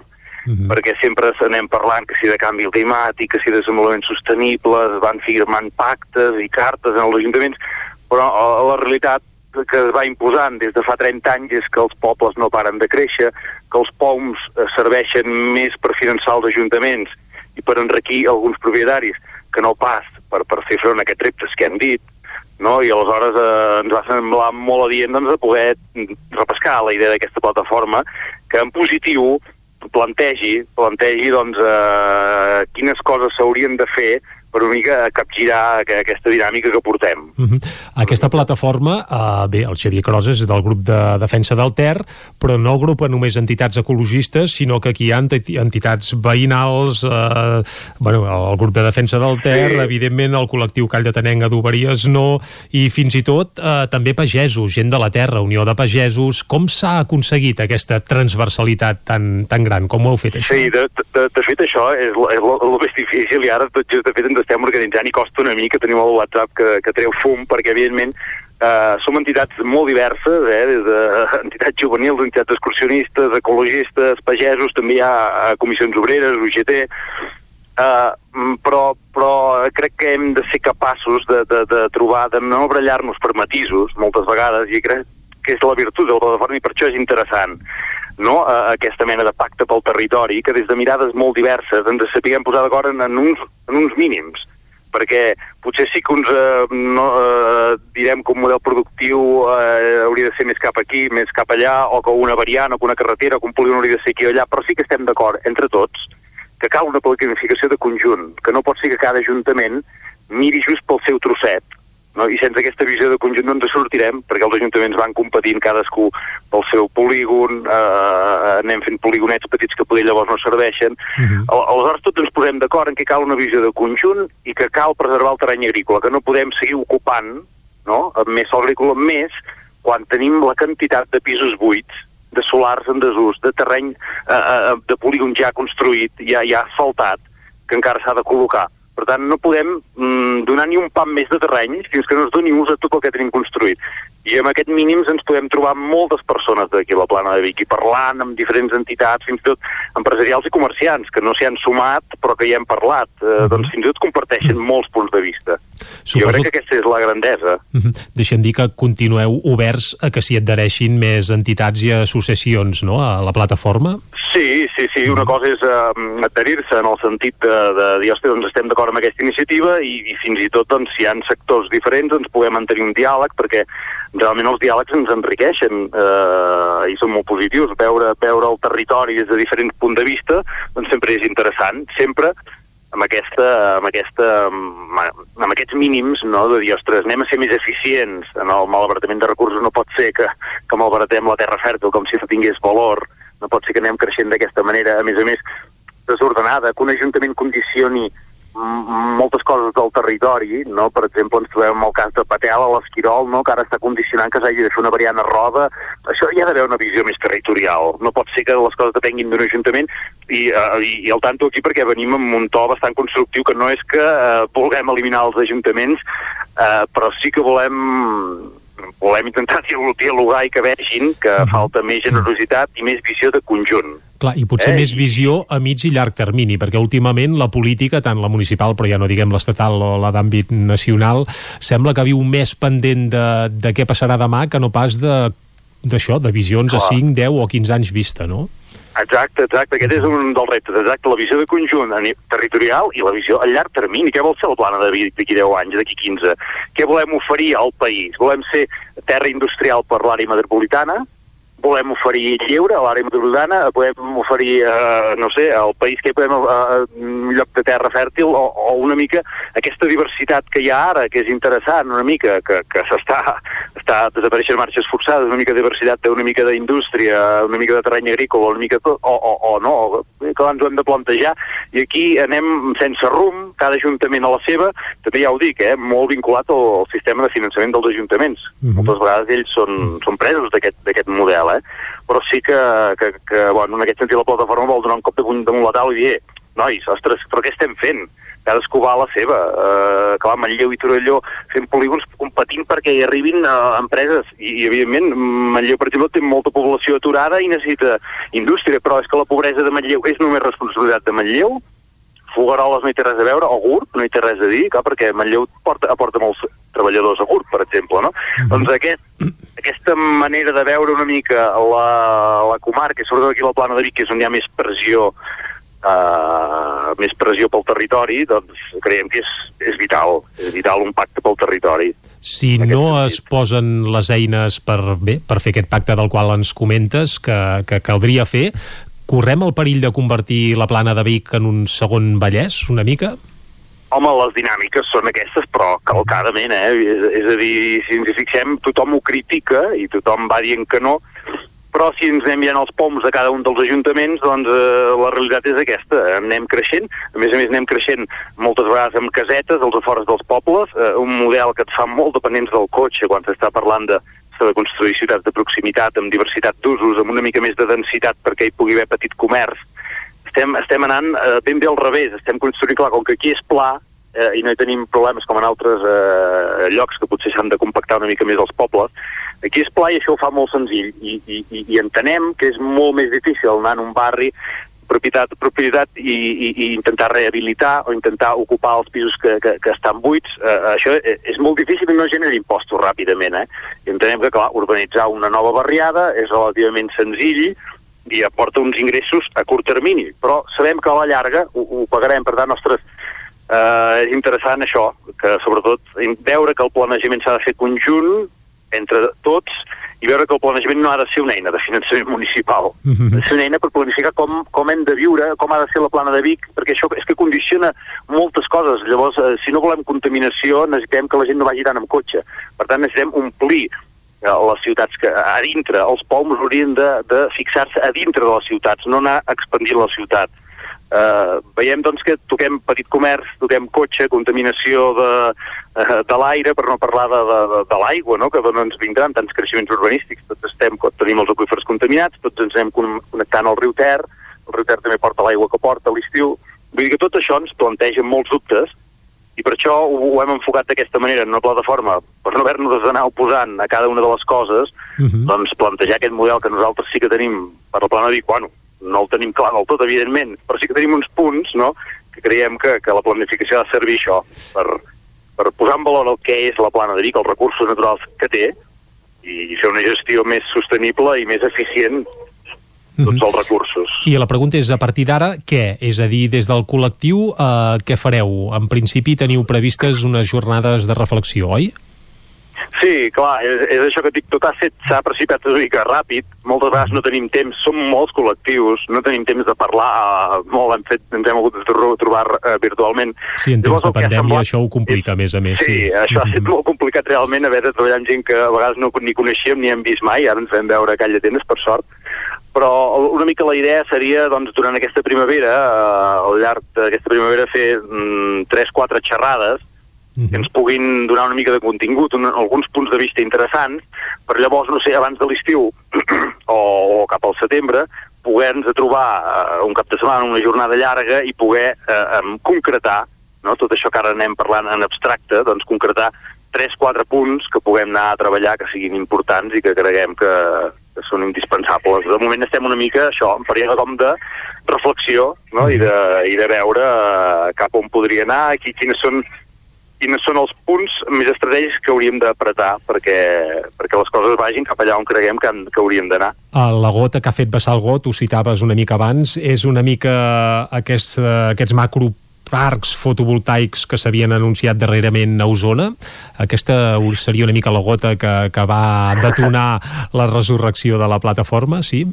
Bueno, una, una mica tot junt, eh? perquè nosaltres just ens havíem reunit amb l'alcalde de Fogaroles pel tema del macropolígon, eh, des del grup de Federació Salter, quan vam rebre doncs, la gent de Call d'Atenes, que estaven molt preocupades per, per planejaments urbanístics del poble, i just aquell... El sector de les setmana adu més tard, adoberies, concretament, deixem parlar de, de Call Adoberies d'Atenes, no. eh, que hi ha un plantejament per fer uns prop de 800 habitatges nous al sector de les adoberies. Sí, sí, que, és, que, és, que és lògic amb la, amb la, amb la, amb la lògica que portem de- d'anar creixent, però clar, no, no té lògica, no? Eh, amb els reptes que tenim de futur de sostenibilitat. Doncs eh, això de Call d'Atenes, llavors es va sumar just al cap de 15 dies es publicava els macroparcs eòlics d'aquí de Puigdegut, entre Torelló i Manlleu, que per sort eh, els alcaldes sembla que han dit que no, eh, però igualment des dels pagesos ens han fet eh, arribar molt la seva preocupació perquè estan rebent molta pressió a les seves finques, eh, evidentment eh, a pagès les explotacions moltes vegades eh, són poc rendibles, a vegades costa trobar continuïtat, que és una mica dels problemes que també treballarem en aquestes jornades, i, i clar, hi ha molta preocupació per aquestes pressions de grans empreses que poden venir i, i ficar parcs, grans parcs eòlics, que al tanto, que estem molt a favor de les renovables, a pagès està molt bé que puguin tenir les seves plaques per funcionar, però sens dubte creiem que l'energia s'ha de produir allà on es consumeix i a les ciutats hi ha moltes teulades, als polígons industrials hi ha moltes teulades i s'ha de prioritzar omplir-les. I, bueno, tot plegat ha fet una mica, doncs, a precipitar aquesta resurrecció de, de per una plana viva. Doncs, Xevi Croses, moltes gràcies per acostar-nos a uns quants detalls d'aquest renaixement de per una plana viva. Molta sort i tant de bo puguem continuar gaudint d'aquesta plana tant com la coneixem ara mateix durant molts i molts anys. Moltes gràcies, Xevi. Molt bé, doncs moltes gràcies a vosaltres, a veure si ens anem trobant en els actes que anem fent. Vinga. N'estarem al cas gràcies. i ho seguirem aquí a Territori 17. Ara el que ens toca per això és fer una pausa. Tornem a dos quarts en punt amb piulades. Fins ara. El nou FM, la ràdio de casa, al 92.8. Quin valor té l'aigua per tu? Per beure, per dutxar-me, per cuinar, per fer energia, per regar l'hortet, perquè baixin ben plens els rius, per fer bombolles, per banyar-me al mar, per refrescar-me. per tenir uns boscos preciosos. L'aigua és vida i ens dona vida, i sense aigua no hi ha res. 22 de març, Dia Mundial de l'Aigua. Donem-li el valor que es mereix. Aigües Vic, el valor de l'aigua. Hi ha sensacions que són úniques. Aquell bany relaxant, mirar per la finestra quan plou i com les calderes Bailand, que li ofereixen fins a 15 anys de cobertura total amb el servei tècnic oficial Bailand. Informis a Oficiat Nord trucant al 93 886 0040. Amb el servei tècnic oficial de Bailand, la seva caldera estarà en les millors mans. Amb Pradell estalvio energia i cuido la meva butxaca i el medi ambient. Posa't en mans de Pradell. Són experts en calderes de gas i condensació, estufes de pèl·let, energia solar, terres radiants, geotèrmia i aerotèrmia. Pradell instal·la calderes de biomassa per a particulars i per a empreses. Si vols estalviar un 50% en consum, contacta amb Pradell i passa't a les energies renovables. Pradell som a l'Avinguda Països Catalans 27 de Vic. Telèfon 93 885 1197. Pradell.cat. Anuncia't al 9FM. La màquina de casa. 9 3 8 8 9 4 9 4 9. Publicitat arroba al 9FM.cat. Anuncia't al 9FM. La publicitat més eficaç. Com protegir-nos de la Covid-19 en el dia a dia? Millor a l'exterior que a l'interior. Millor amb poques persones que amb moltes. Millor dins la teva bombolla que fora. Millor poc temps que molt temps. Millor persones de risc baix que de risc alt. Informa't a canalsalut.gencat.cat. Sistema de Salut de Catalunya. Generalitat de Catalunya. El 9 FM, la ràdio de casa, al 92.8. A Vic, T52, un taller d'emocions. Una celebració, un reconeixement, un record, la victòria, el premi. Tenim una solució personalitzada per a cada ocasió. Ens trobaràs al centre, al carrer 941 i també a l'Horta Vermella, al carrer Menéndez Pelayo 31. Més informació a t52.cat.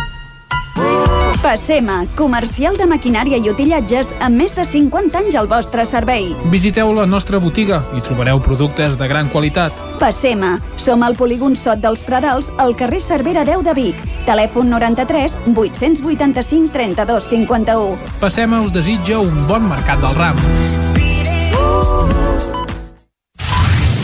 El 9 FM, el 9 FM, el 9 FM, el 9 FM. Territori 17.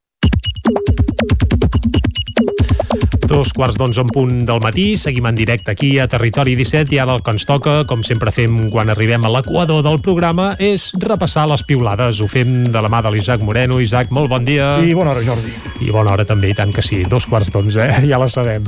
Per on comencem avui, Isaac? Doncs encara ressonen algunes piulades del cap de setmana, eh, d'afers diversos. Per exemple, l'Arnau Martí es fixava amb la piulada de l'arqueòleg gla glamurós que deia Inés Arrimadas ha escollit demà, això, això deia diumenge per dilluns, sí? per celebrar l'executiva amb els crítics dels ciutadans. Si tingués una mica de cultura clàssica, sabria que són els ídols de març, la, mala, la data maleïda per les tradicions, tradicions polítiques.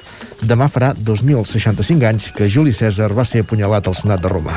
Carai, quina efemèride més. Passa que llavors t'apareix un Ayuso o una Iglesias i et desmunta tot el... Sí, el, el, el, també és cert. Eh, Déu-n'hi-do el sainet de la política espanyola aquests dies, amb epicentre a Madrid, però ramificacions, evidentment, que ens arriben aquí no. també. Eh? L'Arnau Martí es fixava en aquest tuit que hem llegit i deia, bona, sí. Josep Lluís Garcia, els de Ciudadanos que venien a regenerar la política i acaben tots al PP. És que doncs sí, una mica això. Mm. Pep Acosta ho dolceja una mica, diu, crec que molta gent no li agraden, però a mi les tardes vespre dels diumenges m'encanten tot l'any. Que bonic, molt bé. Un altre cop l'Arnau Martí diu veient la presidenta del Parlament a TV3 parlant només del seu, pels seus, Catalunya sempre pot ser més petita, diu. Uh, també mirava l'entrevista a l'Enric Xicoi que diu veig que cada dos per tres la presidenta Laura Borràs es felicita que cada vegada siguem més independentistes per tant entenc que està satisfeta que s'hagi eixamplat la base, no? O l'Eli Pinyol que pilava, no sobre l'entrevista, es diu vosaltres ho enteneu tot malament o viviu sols? Efemèrides quotidianes del dia a dia. Exacte. Seguim. Més sobre, sobre, encara sobre l'entrevista a la Borràs i, la, i els comentaris de Quico Sillés a TV3 dissabte a la nit, Albert Cuesta es fixa en dos articles, un de Mònica Planes a l'Ara i un altre de Toni Valla a Nació Digital i acaba dient deixo constància de la meva simpatia per Quim Torra Laura Bor i Laura Borràs, però també de la meva admiració per la professionalitat de Quico Cellers i Vicent Sánchez. Una cosa no treu l'altra. Exacte. Es pot mirar tot i i quedar-se amb cadascú el que li agradi més, però tampoc cal anar més enllà, segurament, no? Bé, no, no, no cal penjar en Torra, però tampoc cal penjar en Quico Sallés, només faltaria. Ens podem quedar amb un raconet de cadascun d'ells, que segur que tots tenen coses positives i boniques, sobretot en Quico. Mireia... Aquí li enviem una abraçada, perdó. Correcte. Seguim, Isaac. Mireia Genís des de Vic comparteix una imatge que ha captat aquest matí al capdamunt del carrer Verdaguer, allà a la terrassa de Can Mar Ramon, eh, entrant a plaça. Diu, m'he sentit ridícul amb el meu cafè amb llet. Bon dimarts, bon dia. I què hi ha en aquesta imatge? Doncs un senyor a la terrassa amb una ampolla de cava sobre la taula. Carai, què celebrava? No ho sé, però val a dir que el cava podia millorar, eh? Podia, podia posar-se a triar, triar una millor. Que quin era? Bé, no, no ho direm, no? D'aquestes grans marques. Perfecte, ja té, estem que, situats. Que té nom de, de santa que celebra la, la mateixa família que, que, que els Joaquims. Doncs ja està tot dit. No cal que cadascú des de casa que tregui les conclusions que vulgui. Seguim, va. Rosa més des de Vic. Alemanya declara que la Covid ha començat la tercera onada. Itàlia va establir el tancament de Setmana Santa. No oblidem França. Estem desescalant massa ràpid? O Josep Sant Salvador, des de Viladrau, diu el poble de Viladrau depèn moltíssim dels visitants, sobretot dels barcelonins. A la pastisseria Font volem deixar enrere la misèria de mesos anteriors, els tortells de rams, les mones, però cal que la gent prengui consciència del moment, si no, tornarem a fer-nos mal. Doncs queda dit, qui avisa no és traïdor. Teresa Rossell diu, tiene guasa que el anticristo actual para los fachas de Madrid se llame Iglesias. La mateixa Rossell es repiula a si mateixa amb un tuit que feia el 28 de maig del 2020. Diu, a veure si canviem el marc mental a tots els que busqueu la salvació. La millor manera d'ajudar Pablo Iglesias i companyia és tirar endavant el projecte independentista i no al revés, defender Espanya. Pep Carol, una denúncia que fa pública, comparteix una oferta laboral de l'Ajuntament de Vic, apareixia ahir a la premsa, diu anunci d'oferta laboral de l'Ajuntament de Vic publicat avui, termini avui, però sobretot no me'l pensis, etiqueta peix venut, i fa una segona piulada que diu la plaça que s'ofereix fins ara l'ocupava la cunyada de l'alcaldessa. I des del Moianès, la Sílvia Mur, també de les files d'Esquerra, es fixa amb aquest titular del Món Diari que diu l'epidemiòleg Oriol Mitjà proposa la porteu d'Esquerra Marta Vilalta per a presidenta en lloc de Pere Aragonès. I la Mur que diu vol deixar d'una vegada de dir a tothom el que ha de fer? De què va aquest prepotent? Era un bon científic, o això creia, ara ja no sé què és. Bé, escolta, és el que dèiem abans, tothom pot dir el que vulgui i tothom que interpreti el que vulgui i quedem-nos amb el millor de, de cadascun d'ells, però vaja. Sí, sí, però ja l'hem enviat a la... En fi. Bé, sí, sí. És el que té Twitter, eh? Correcte. També és cert. L'edició del 99.cat del Vallès Oriental, si et sembla, Va, comencem? anem-hi, anem a repassar portades digitals del 99.cat. Ara mateix, què diuen al Vallès? Cinc peticions per fer parcs solars a la comarca afectarien fins a 96 hectàrees. Dos ferits en una baralla al carrer entre una quinzena de persones a Montornès. Moció de censura d'US d'USF i Sant Fos en Comú Podem contra l'alcalde de Sant Fos, Carles Miquel, i el govern obre el procés per trobar l'empresa que haurà de construir l'ampliació de l'Hospital de Granollers en 7 mesos i mig. Anem ara a la portada del 99 vermella del d'Osona i el Ripollès, que diu... Doncs ràpidament esperem que s'acabi de carregar. Diu tres detinguts per robar a cinc establiments del centre de Vic. Rescat d'un practicant de salt base a Tabertet. Salt base? Què deu ser això? Saltant per caigudes. Ah. Va, va, es va estimbar el cingle, i a la tarda no es va fer res, eh? Dir, va, va picar amb la pedra i va quedar allà penjat i no podia moure's. Va, no, no podia anar ni amunt ni avall. Uh -huh. Absol el professor d'hípica de Vilallonga, que s'enfrontava a 3 anys de presó per tocar el cul a una menor, i també la crònica Innovació i Capital Humà. Isaac, moltes gràcies. Ja, de què, bon dia. Demà més, eh? T'esperem. Va, nosaltres ara anem cap a la taula de redacció.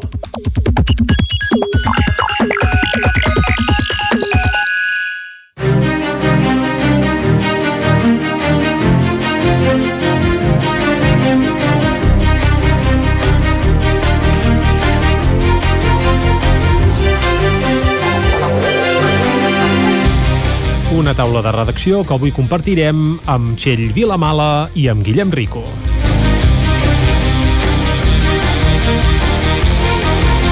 I aquí, aquí primer saludarem és el Guillem Rico, que ens explicarà que només 3 de les 24 alcaldies postconvergents que hi ha a Osona s'han mantingut eh, al PDeCAT. Guillem, molt bon dia.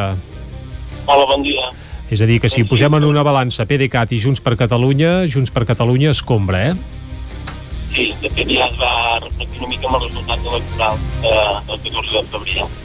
Eh, això, que el PDeCAT va desaparèixer de, del Parlament. Eh, si ens centrem en les dades d'Osona, eh, hi havia en, el, en, el, en les eleccions de, del maig del 2019 eh, hi va haver 15 alcaldies eh, que va guanyar que era l'antiga Convergència, diguem, que es presentaven com a Junts per Catalunya. Uh -huh.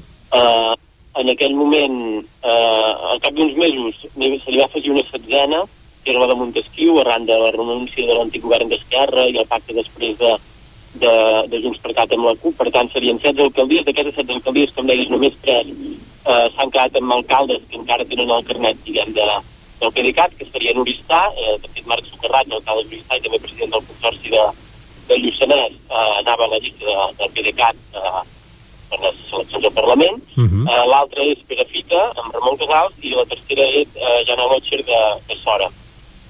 És a dir, que estaríem Ah. parlant de pobles relativament petits, eh, els que s'han quedat eh, fidels al PDeCAT, diguem-ne. Uh -huh. Exacte, són pobles petits.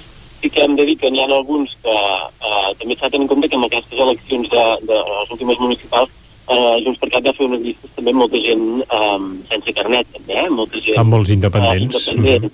I de fet ara d'independents, eh, i ho dic de memòria, crec que són eh, 5, eh, d'aquestes alcaldies 5 són independents, i, i la resta doncs serien 9, eh, 9, 10, i si diria que ja ho dic bé, eh, la resta doncs serien eh, que s'han han passat, S'han passat a Junts per Catalunya. a Junts per Cat. Alguns al principi van tenir aquesta doble militància, però després quan hi va haver aquest, aquest litigi que va obrir el PDeCAT pel tema de, de que aquest canvi de, de nom, que es va posar de fet amb el nom, amb el nom de Carles Valls, l'alcalde de, de l'Alanyà, doncs llavors molts va ser quan van fer aquesta estripada de carnets, sobretot a principis de setembre, entre els quals doncs l'alcaldessa de Vicana Guerra, que ara també és diputada, i també si ens fixem en el Ripollès, per exemple, l'alcalde de, de Ripoll, Jordi Monell, hem de dir que en el cas del Ripollès no n'hi ha cap d'alcaldia eh, a mans del PDeCAT.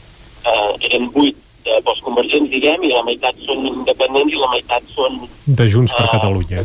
de Junts per Catalunya, hem de dir que en aquest cas tots els independents eh, estan eh, més pròxims a Junts per Cat, també en, en, molts, en, en la major part dels casos de- d'Osona.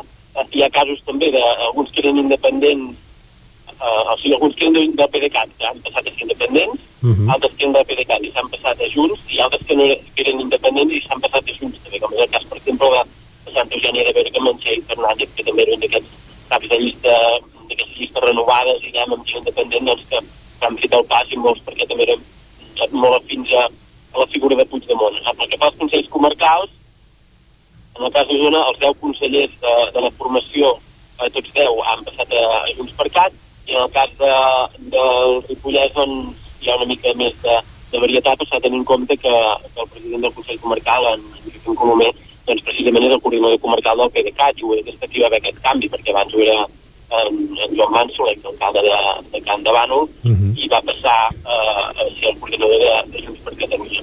Eh, llavors aquí sí que potser, de cara al moment, ens parlàvem també amb el, amb el coordinador d'Osona de Junts per Cat, Quic Roble, també nou coordinador, eh, ens deia que d'entrada no ha d'afectar amb els grups municipals, en el funcionament dels grups municipals de moment, ja de cara al 2023 es veurà què passa a l'hora de confeccionar noves llistes.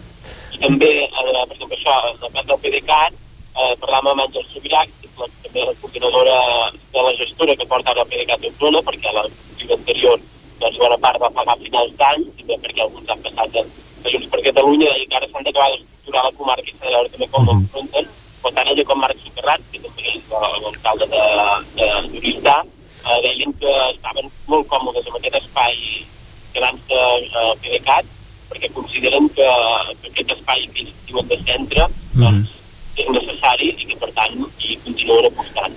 Doncs- També es veurà això. Si les properes municipals s'acaben presentant en coalició amb Junts per Catalunya o si veiem doncs, en alguns municipis que hi hagin dues llistes d'aquest Doncs Guillem Rico, de, Sí, anava a dir moltes gràcies per acostar-nos a aquesta realitat. Estem tenint uns quants problemes de comunicació amb el Guillem. En algun moment s'ha fet difícil seguir la conversa. Esperem que des de casa eh, ho hagin pogut seguir perfectament. Eh, moltes gràcies, Guillem. Eh, canviem ara de tema. Parlem de Covid i pandèmia i ho farem amb la Txell Vilamala. Txell, molt bon dia. Bon dia, Jordi. I amb la Txell volem fer una mica de balanç d'aquest primer any ja de, de pandèmia i balanç eh, pel que fa sobretot a mortalitat, Txell, un balanç que és esfereïdor, eh? Sí, exacte. Uh, de fet, Osona ja sabeu que ha estat una de les comarques més castigades pel coronavirus. Durant tots aquests mesos hem tingut una alta incidència de casos i això, evidentment, també s'ha traduït en unes xifres de mortalitat uh, relativament elevades. Uh, segons les dades que hi ha fins ara públiques del Departament de Salut, la mortalitat a la nostra comarca s'enfila a 622 persones, 622 persones, i això converteix aquesta comarca nostra en la segona de Catalunya on s'haurien més produït més, on s'haurien produït més morts per cada 10.000 habitants, uh, només per darrere de la Noia. A la Noia la xifra és de 54 per cada 10.000 habitants, aquí a Osona estem en uns 39 per cada 10.000 habitants. Sí que és veritat eh, que el cas de la comarca d'Osona té singularitats perquè eh, quan ens posem a analitzar per què hi ha hagut tantes defuncions no hi ha un factor clau que ho expliqui, és a dir, no hem tingut eh, grans brots massius molt generalitzats, tampoc tenim una estructura de la població eh, més envellida que la del Ripollès o la del Berguedà, per exemple, ni tampoc tenim un percentatge molt alt de població eh, que visqui dins de residències, sinó que el que apunten els demògrafs, nosaltres en concret vam parlar amb en Sergi Trias, que és de la Vall del Gès, eh, ells ens expliquen que el fet que hi hagi hagut tanta incidència durant tants mesos ens ha mantingut, potser sí en una segona línia, però el total acumulat acaba sent molt alt, no? Gairebé com les comarques que han tingut aquests brots més massius. Per tant, haver estat eh, tan a segona fila cada setmana, cada setmana, cada setmana ha anat uh, sumant de funcions i això al final es tradueix en aquesta xifra uh, un pèl alta.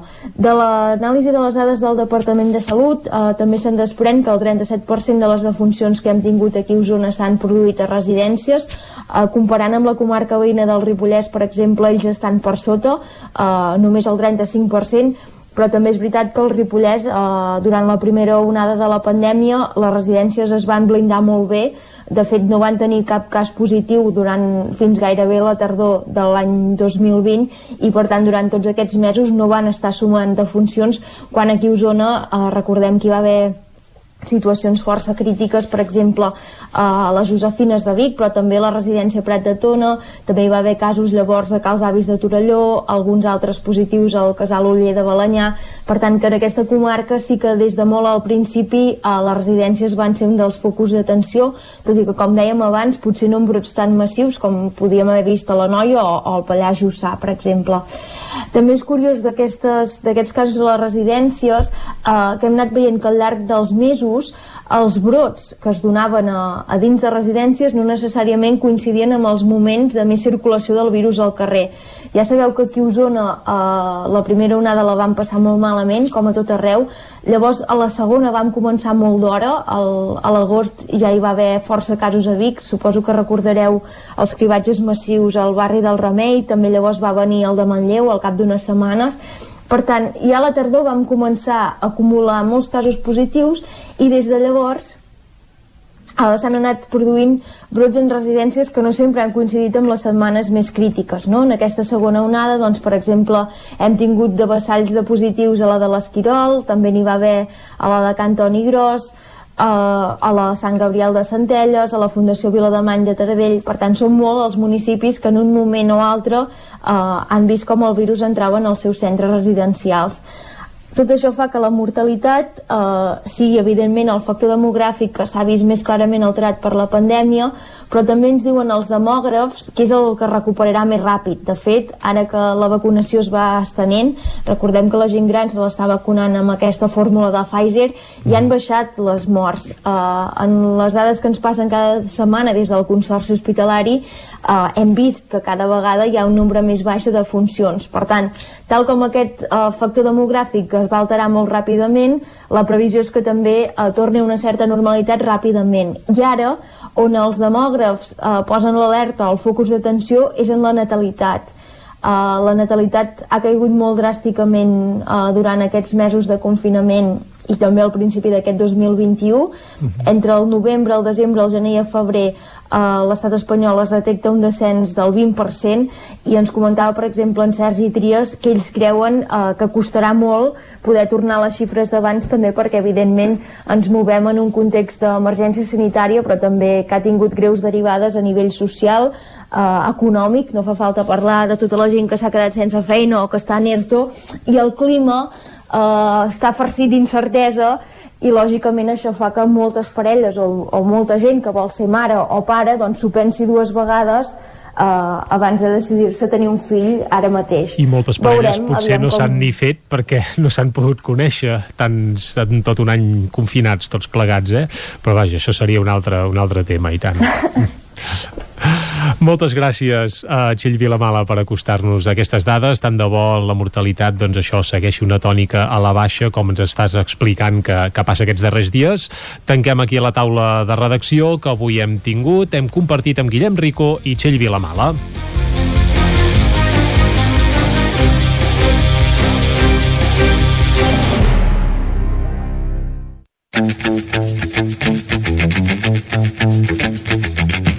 Busca't la vida amb Cela Falgueres.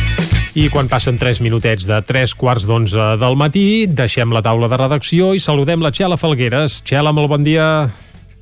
Hola, molt bon dia a tots. Uh, sí, jo també recordo fa un any era supercrítica pensant que tot això del coronavirus era una conspiració geopolítica entre la Xina i Estats Units i bé, uh, la veritat és que la, la realitat ens ha superat, no? Uh -huh. uh, Me'n penedeixo molt en aquells moments d'haver estat tan dubtosa i si recordeu quan parlàvem dels primers degotejos d'empreses que ja no anirien al mobile i aquest any sembla que la tònica també està una Sí, mica així, però similar, que estan sí, sí. determinats. Uh, és ben bé que vivim en un món, uh, una distopia gairebé, eh? Bé, anem a parlar avui uh, de coses molt interessants i mm. també que dius, ups, aquí món vivim, no?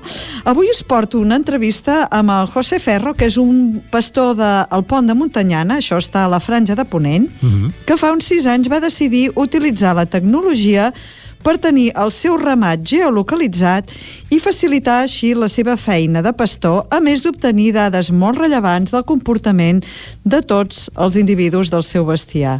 Us sembla que ho anem a descobrir? Home, ens sembla una iniciativa espectacular, per tant, capbussem-nos-hi, va. Gràcies, José, per atendre els nostres micros. Gràcies a vosaltres. Bones, ja bones a tothom que ens escolta. Uh, José, explica qui ets i de quina zona del país vens. Bueno, soc dels països catalans, això d'Aragó, però el Pont de Montanyana, que és un poble que està a meitat Catalunya, a meitat Aragó, i tinc un ramat, mil ovelletes i 40 cabres, i, estan, i peixen entre Catalunya i Aragó. Pont de Montanyana. Perquè la gent sàpiga, la teva varietat dialectal és el Ribagorçà, eh? Ara ens estàs parlant amb Ribagorçà, correcte? Sí, intento, sí, intento, perquè també he estudiat a Lleida i alguna paraula se m'escapa, però intento que sigui llengosa, sí.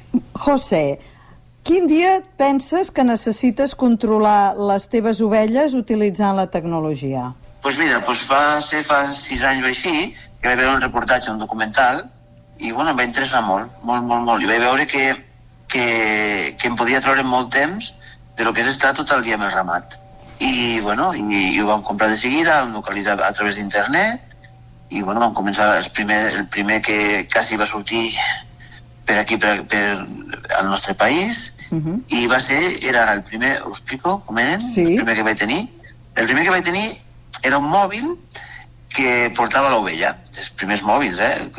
Movistar, i, llavors amb aquest mòbil trucaves. A veure, un moment, un moment, José, deixa'm que et pari. Cada ovella anava amb un mòbil?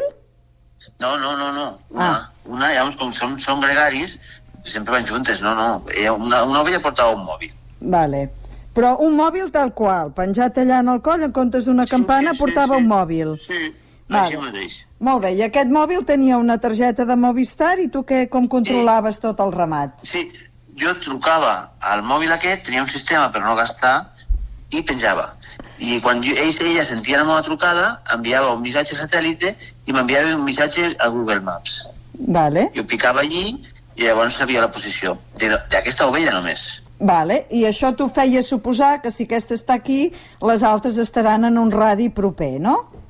No, no estan allí, van juntes. Sempre són molt... La, la ovella és gregària. Molt bé. Van, molt juntes. I això quin any vas començar amb aquest mòbil que portava una ovella? Sis anys o set anys, no t'ho diria exactament, però set anys o menys. I després com va evolucionar això? Bueno, llavors després, precisament, eh, va sortir el satèl·lit.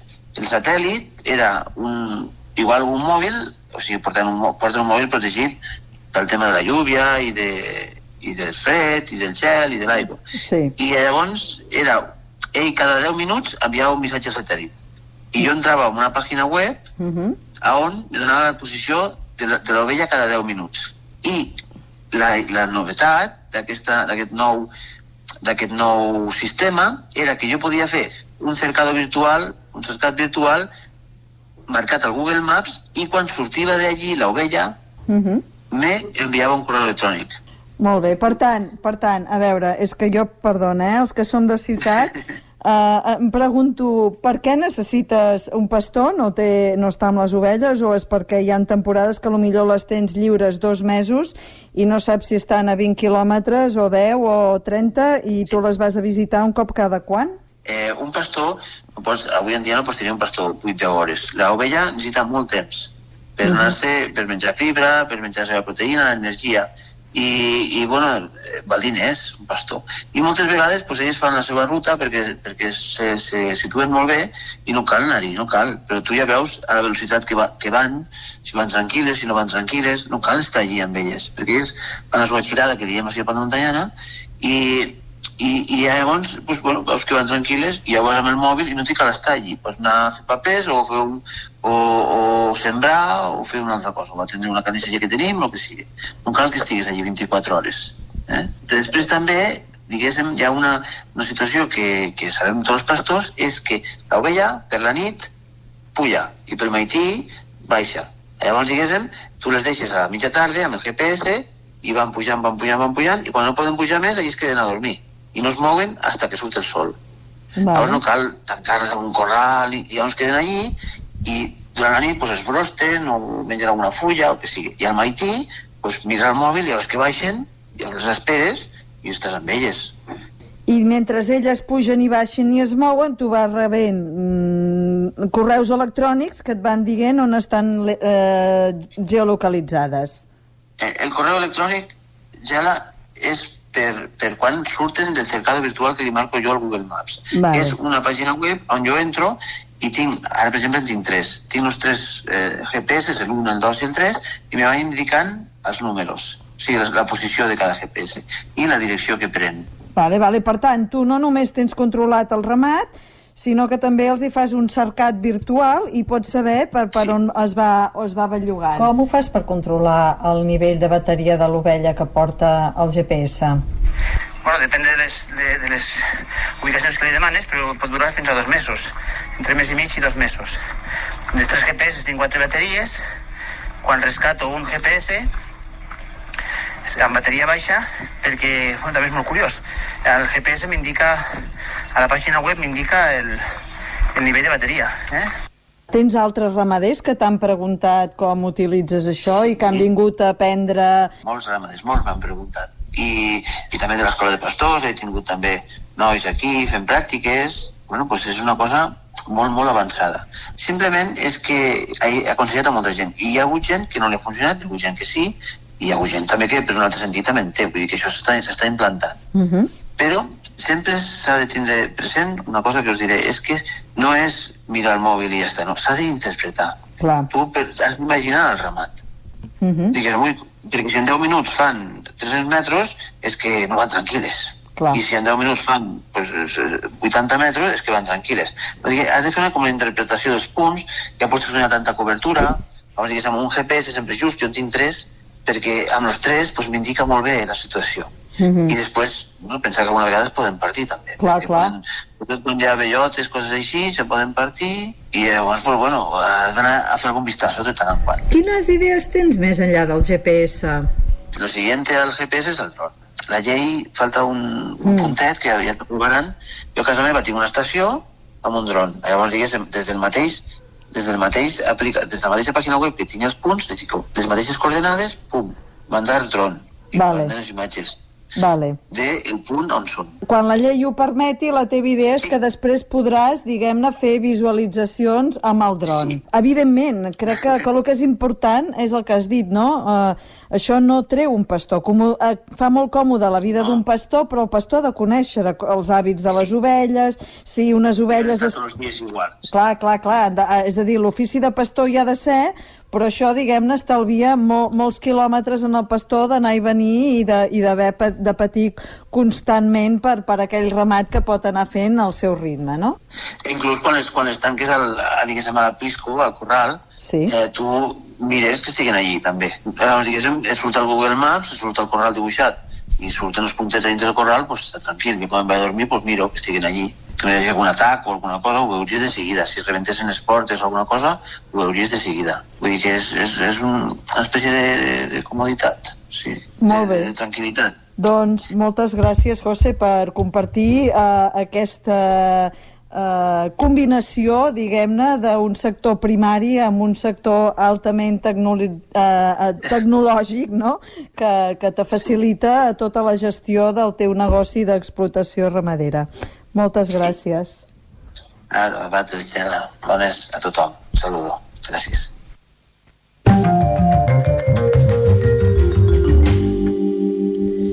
Bé, es nota, eh, que sóc de, de ciutat. Molt Bé. interessant tot el que ens ha explicat el José i, i, i bé, tenim molt d'aprendre, eh, encara, i està molt bé que hi hagi gent que, que pensi en aquestes uh, solucions per facilitar el dia a dia. Fem un canvi total de temàtica i anem uh -huh. a parlar d'una app que es diu Pret a Template, que és l'eina definitiva per fer esbossos de moda. Eh, Està disponible només per iOS, eh, però a la web també es poden descarregar plantilles. Pret a Template és una app en model freemium, vol dir que una part és gratuïta i l'altra és de pagament, que permet dibuixar sobre una gran varietat de plantilles de cossos, roba, sabates i accessoris.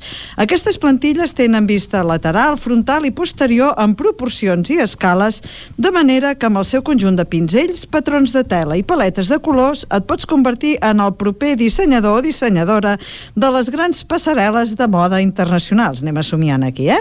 I tant, En el mode gratuït s'accedeix a les funcionalitats limitades i amb la subscripció es té accés complet a tots els materials, pinzells, opció de borrar per capes, predefinició de paletes i altres.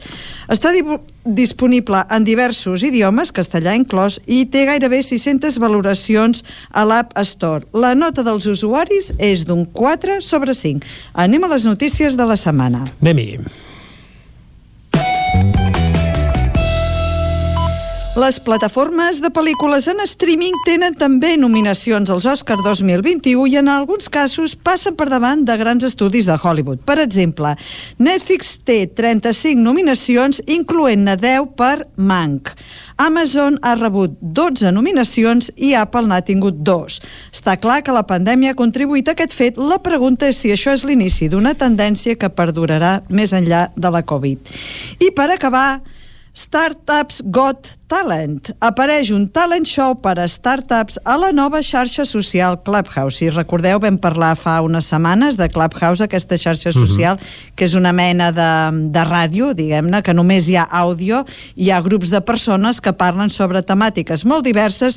Doncs bé, des d'avui i fins aquest divendres a les 11 del matí, és a dir, fa 40 segons, eh, diferents startups tenen un temps limitat per participar en aquest concurs, on durant aquest temps hauran de presentar la seva idea de negoci davant d'un jurat i de l'audiència. La convocatòria és a través de Clubhouse, aquesta xarxa social que només s'hi pot accedir des d'iPhones i per invitació, això és molt exclusiu, i els participants opten a un premi d'una inversió de 50.000 euros. Aquesta innovadora iniciativa està patrocinada pel fons d'inversió de startups Encomenda Smart Capital. A veure si la setmana que ve us puc fer 5 cèntims de quina iniciativa ha guanyat aquest premi. I amb això acabem el Buscat de la vida d'avui. Uh, gràcies per escoltar-nos i ens retrobem el proper dimarts. Doncs, Xela, t'esperem dimarts vinent aquí al Buscat la Vida. Moltes gràcies. I Adéu-siau. nosaltres, adeu-siau, que vagi bé. Quan són gairebé les 11 i dos minuts del matí, seguim en directe aquí a Territori 17 i el que toca ara és acostar-vos de nou l'actualitat de les nostres comarques, les comarques del Ripollès, Osona, el Moianès i el Vallès Oriental. Territori 17, amb Vicenç Vigues i Jordi Sunyer.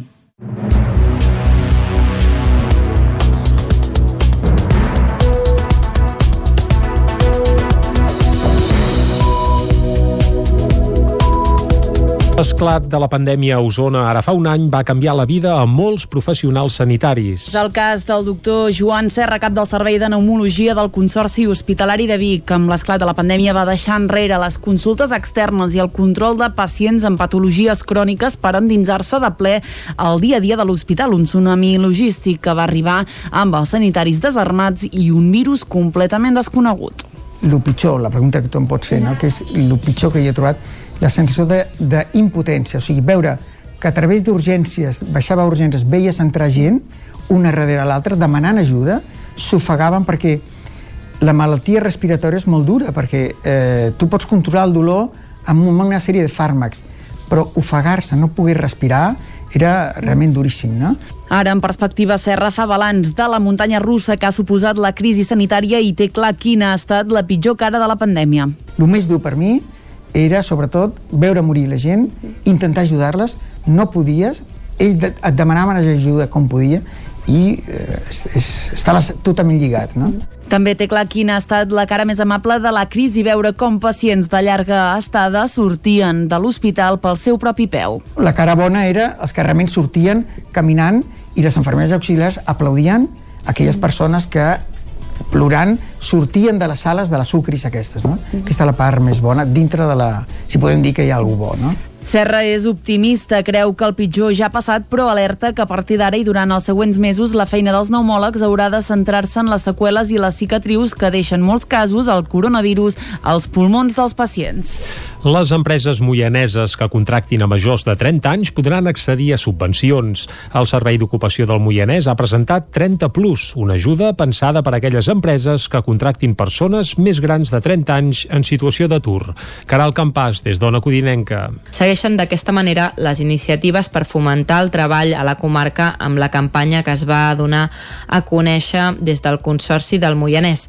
L'objectiu d'aquest programa és afavorir la inserció laboral de persones en situació situació d'atur de 30 anys o més, proporcionant els recursos, la formació i les competències necessàries per ocupar un nou lloc de treball.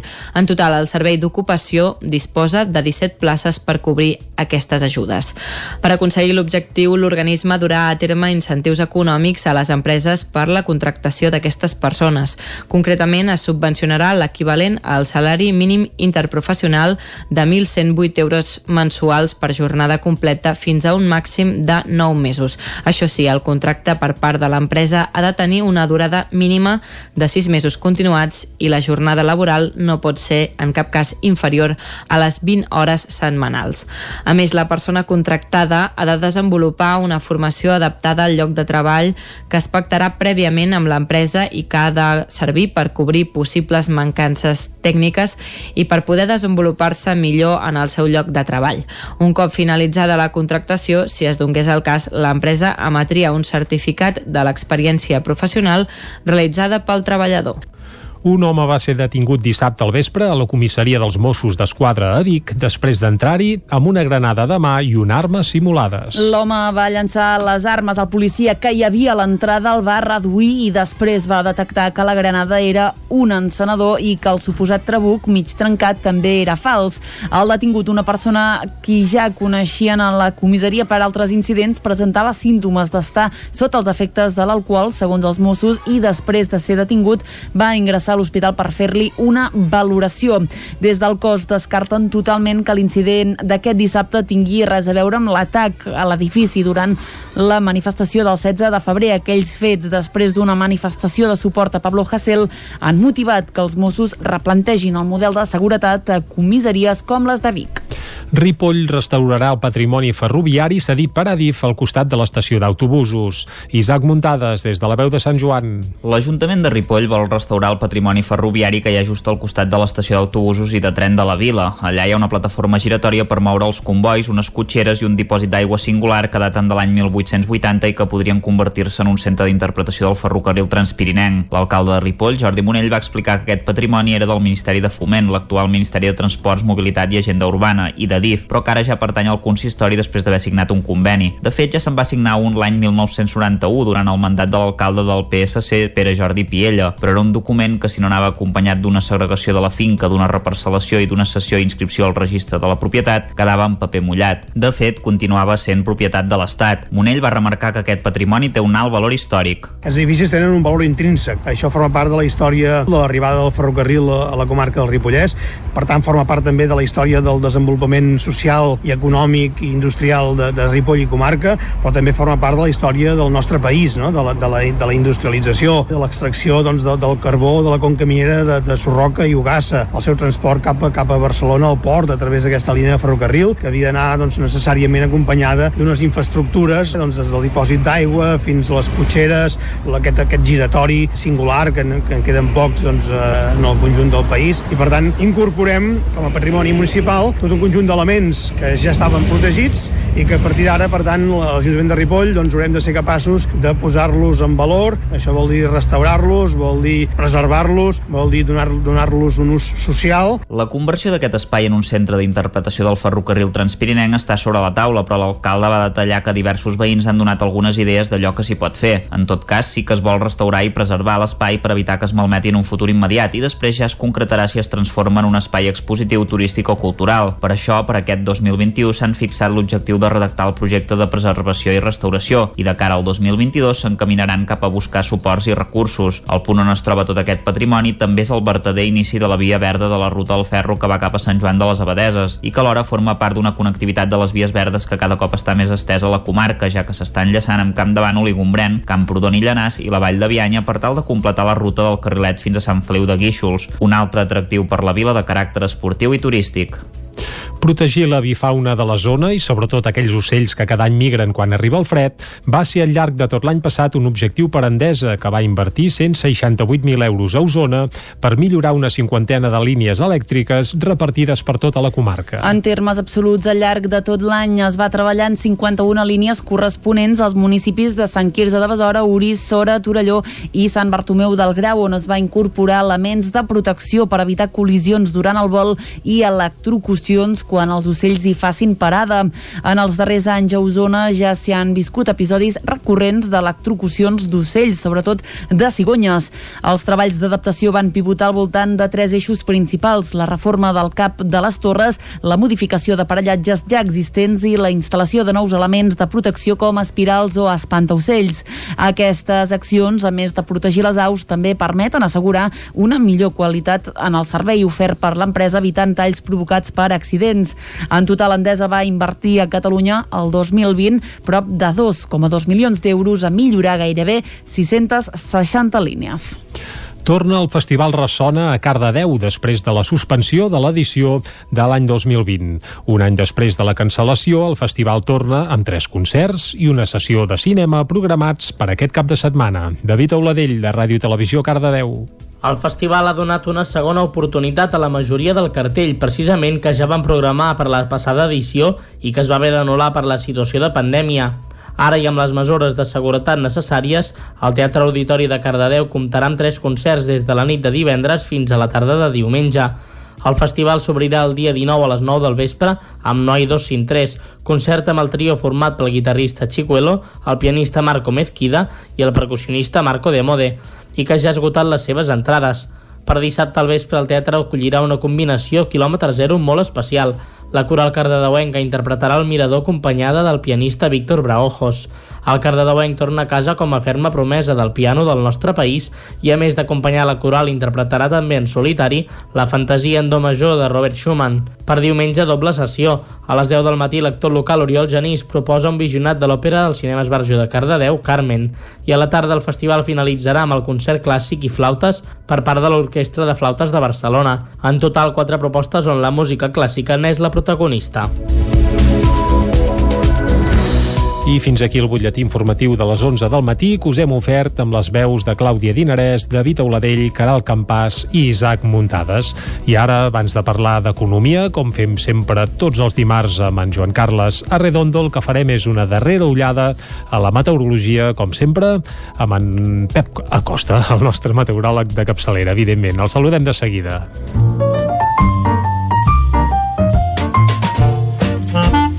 Casa Terradellos us ofereix el temps. Doncs vinga, ja el tenim a l'altre cantó del fil telefònic i el saludem ara mateix. Bon dia de nou, Pep. Molt bon dia.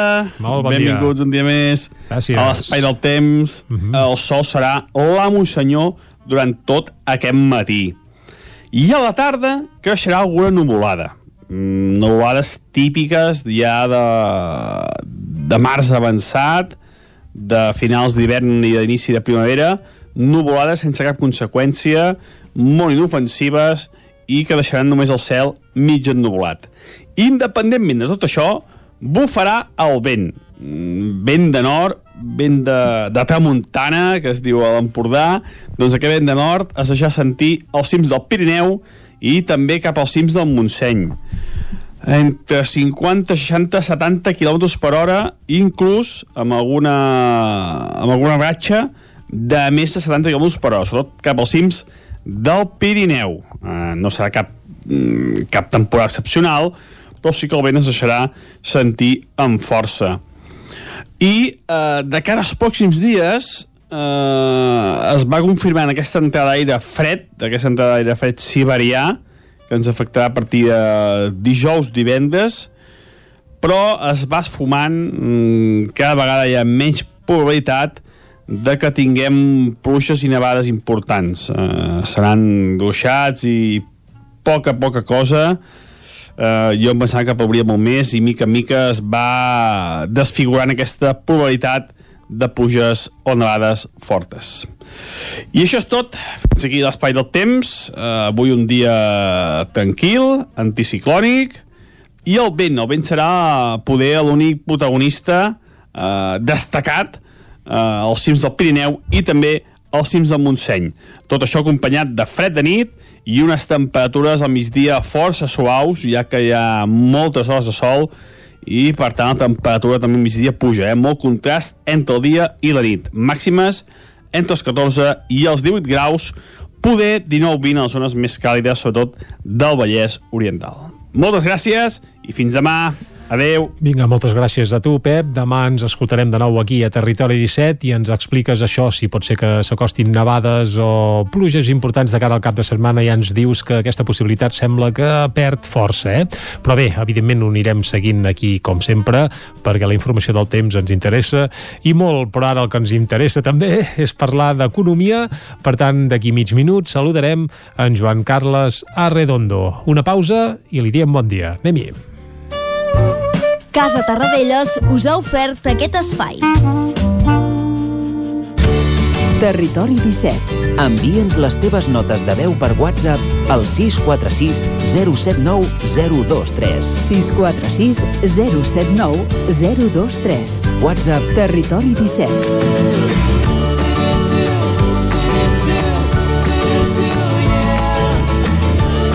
Territori 17. Som a Facebook, Twitter i Instagram amb l'usuari Territori 17.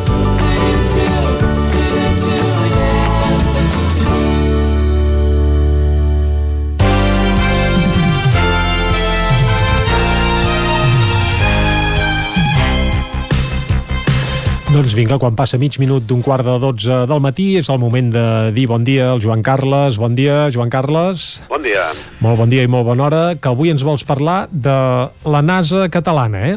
Sí, algú fa, eh? sí, anava a dir, algú fa servir una mica amb to despectiu aquesta terminologia, però escolta, que, que segurament és per estar-ne satisfets no, del projecte, però vaja, tu ens explicaràs què hi ha al darrere i què s'hi amaga, perquè molts n'estem una mica coixos de tot plegat. Uh, què hi ha darrere la eh? NASA catalana, Joan Carles? Com, com fan els entrenadors de futbol, eh, Mhm. prometo, prometo feina, no resultats, eh? Però, però a, veure, a, veure si, a veure si ens en sortim. Va, provem-ho. La, de, per, per començar, en marquem una mica. La, tenim, tem, tenim una, una cursa a l'espai i que, que canvia de format i mm, encara hi ha la, la tradicional competència entre, entre blocs en grans projectes. Ara mateix tenim a, a Mart, no? Perseverance de, de la NASA, que està explorant el planeta Mart, o el xinès eh, Taiwan Timewen, uh, una Sí, mica el, el nom costa, eh? Sí, sí. Vale. Doncs eh, aquest arribarà també properament a, a Mart amb un objectiu eh, similar. Però també hi ha altres formes de- d'apropar-se a l'espai. Amb objectius que, si bé són menys ambiciosos, tenen la doble finalitat de donar resposta a necessitats tecnològiques o aportar coneixements sobre aspectes tan fonamentals com la climatologia. Eh? Ara mateix, tant que, tant, que es parla de canvi climàtic, diguem-ne que tenir presència a l'espai eh, és important. Eh, en un símil informàtic, aquests projectes parteixen d'un hardware, eh? un programari, eh, molt menys espectacular que els coets que han donat peu a aquesta mena de mitologia espacial des de fa dècades. Uh, les mides d'aquests, en direm artefactes, eh? Uh, sí, poden arribar a, a, a ser similars, de, a, similars a una caixa de sabates amb un màxim de 10 quilos de pes. Per tant, és molt petit, això, eh? Exacte. Uh -huh. I, però per crear aquest, uh, aquest um, programari tan petit uh, cal també un, un, un software, un, un programari, eh, i desenvolupant el, per desenvolupar el que es coneix com a nanosatèl·lits eh, i per, per, per, per arribar a aquest, aquests nanosatèl·lits cal haver aplicat prèviament molts de coneixements i molta, i molta tecnologia. Catalunya, efectivament, ha decidit aplicar una estratègia que li permeti ser en aquesta petita cursa de l'espai. El projecte té el nom de New Space i neix de la creació de l'Agència Catalana de l'Espai. La tendència a quedar-se només amb els titulars, que comença a ser massa generalitzada, també s'ha de dir, sí. ha donat peu immediatament a la brometa barruera, eh? Aquesta, això que estàvem comentant al principi. Agència Catalana de l'Espai sona a la creació d'una mena d'estructura d'estat i els curistes de l'espanyolisme ranci han corregut a parlar de la NASA catalana uh Mhm. -huh. i fer escarni del projecte i caure en la temptació de la demagògia sobre la inversió, una inversió de 18 milions d'euros que es preveu destinar a aquesta iniciativa en els propers 4 anys, assenyalant que hi ha altres necessitats prioritàries. La pandèmia posa fàcil, eh? eh, eh assenyalar quines haurien de ser aquestes prioritats. Uh -huh. És cert que he posat el nom d'Enxanet al primer nano, nanosatèl·lit que llançarà a l'espai, concretament aquest mateix dissabte, per cert. Bé, això uh, ho van votar els, uh, bé, els socis del Club Super 3, crec, no? Efectivament, efectivament, Mhm. eh? però si li han posat enxaneta i home, tampoc, tampoc ens ho posa fàcil en els que volem defensar que un projecte s'hauria de prendre amb menys lleugeresa. Eh? Però és Però- bonic, però- és bonic. Podem intentar, eh? Podem intentar eh, donar-li un tom, un, un, un tom més científic, eh? Per començar, es poden remarcar els objectius d'aquest primer nanosatèl·lit, que s'enlairarà aquest dissabte, com dèiem, prop més enllà de les 7 del matí, des del Kazakhstan. Eh, per cert, em sembla que hi, ha, hi, ha, hi haurà missió en directe via, via internet. Eh? L'enxaneta, que és, com molt bé deies, eh, un nom escollit per votació popular entre el sector més infantil de la població, oferirà serveis de connectivitat d'internet a tot el territori català, fins i tot en aquelles zones d'accés difícil o sense cobertura en les xarxes convencionals. Ja hi ha en marxa un segon nanosatèl·lit que es destinarà a l'observació de la Terra amb l'objectiu de prevenir catàstrofes i lluitar contra el canvi climàtic, com dèiem anteriorment. Més enllà dels objectius, eh, si, de, de si aquests objectius són profitosos o no per la societat, hi ha altres factors que poden contribuir a prendre's la molèstia de mirar més enllà del titular de la NASA catalana. Eh, el sector espacial té en la seva base tot un seguit de necessitats tecnològiques i de coneixement, eh, tot això que s'ha convingut a anomenar R més D més I. Es parla molt sovint de la necessitat que els governs inverteixin en recerca, desenvolupament i innovació, però precisament quan s'hi destinen partides apareixen les veus dels que no passen dels titulars per dir que els diners s'han d'invertir d'una altra manera. Eh, És cert que avui en dia hi ha necessitats sanitàries urgents, però també ho és que moltes persones altament qualificades, en la formació de les quals també s'ha invertit molts diners públics, han d'acabar optant per la migració per desenvolupar la seva carrera professional i, per tant, no estan aportant a la societat els coneixements que la societat mateixa ha contribuït a que adquireixin. Eh? I també, també és cert que la inversió en R més D més I està ancorada en els nivells més baixos de la Unió Europea des de fa molts anys, això n'hem parlat algunes vegades aquí mateix, no?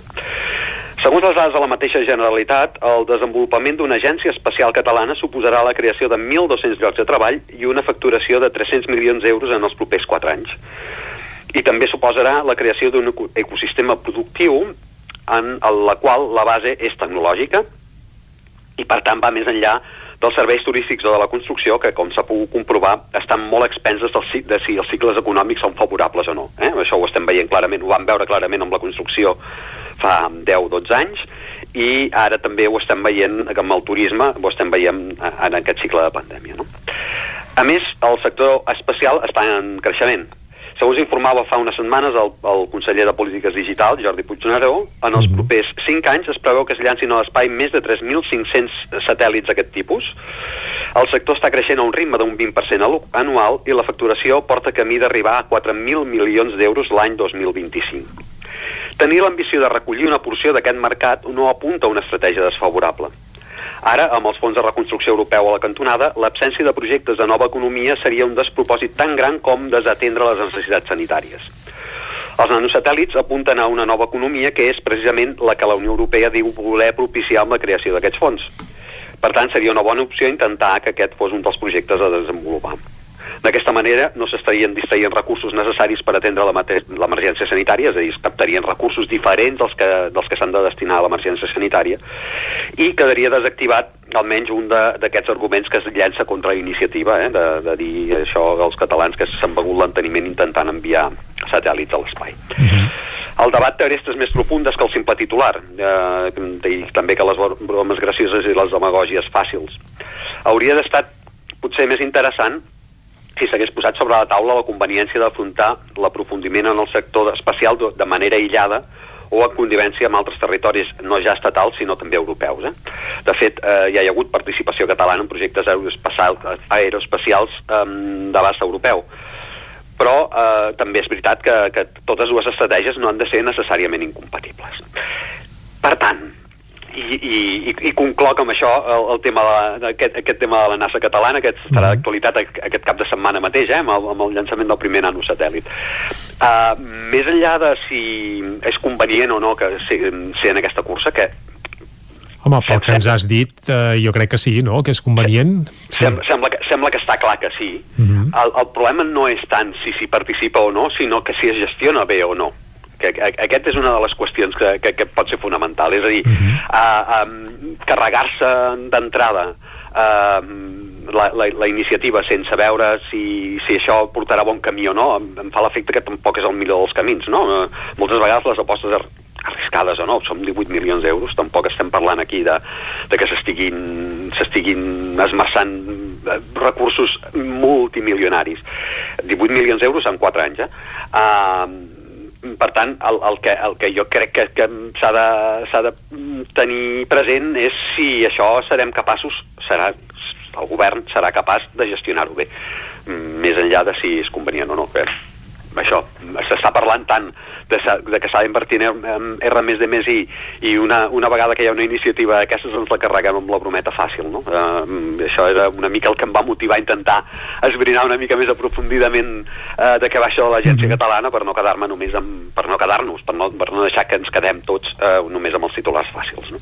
Home, i tornant una mica al tema de batejar el nanosatèl·lit, que bé, que es dirà enxaneta, també està bé a posar a les mans dels més menuts, que segurament són els que d'aquí uns quants anys durant la batuta del país i de tot plegat, doncs aquests projectes que en teoria són de futur, no? I bé... Sí, sí, no, mm, fer, fer veure a la població infantil que la ciència no és un monstre que, que ens devora, també també és, una, també és una iniciativa que em sembla que és I tant que sí. Eh, Deixa'm dir que el nom que va quedar, no sé si va quedar segon o no, però entre els noms finalistes n'hi havia un altre que a mi em va enamorar, que era Patufèlit. Allò, la, la fusió entre en Patufet i el satèl·lit, tenint en compte les dimensions que ens has comentat que té aquest nanosatèl·lit, que no és més gros que una capsa de sabates, doncs també hagués tingut la seva gràcia, eh? és, és molt important això que dius de la població infantil i l'altre és donar oportunitats en aquests científics que, que puguin tenir sortides professionals i que no hagin d'emigrar per trobar un, una sortida digna, no? I jo crec que la, la creació d'un subsector eh, amb, amb, amb una base tecnològica forta mm, no hauria de ser una, no, no hauria de ser un, una prioritat a prendre's a la broma, Mhm. francament. Doncs Joan Carles Arredondo, moltes gràcies per acostar-nos avui la realitat autèntica de la NASA catalana, no la que ens venen des d'alguns mitjans que la volen fins i tot ridiculitzar, sinó per posar allò els punts sobre les is i deixar-nos ben clar que, que s'amaga darrere de tot plegat. Moltes gràcies. Gràcies a vosaltres, bon dia. I amb en Joan Carles li diem adeu i de seguida enforquillarem la darrera mitja hora de Territori 17. Què farem amb aquesta mitja hora que ens queda? Doncs anirem a Montmeló per descobrir les virtuts d'aquest municipi del Vallès Oriental. Passarem també per la R3 a la Trenc d'Alba, com fem cada dia, i avui acabarem eh, coneixent novetats discogràfiques d'àmbit nacional. Ens les acosta un cop al mes l'Arnau Jaumira i segur que ja té la discoteca a punt. Per tant, el, que ens toca aquí a Territori 17 és fer una breu pausa i tornarem això a dos quarts de 12 en punt anant a Montmeló pujarem al tren i escoltarem música. Tot això ho farem, com sempre, a la sintonia de la veu de Sant Joan, Ràdio Cardedeu, Ona Codinenca, el 9 FM i el 9 TV. Una pausa i tornem de seguida aquí a Territori 17. Fins ara.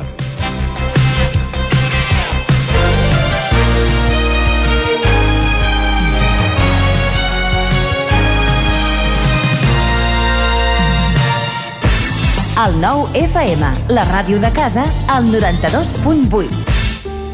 Quin valor té l'aigua per tu?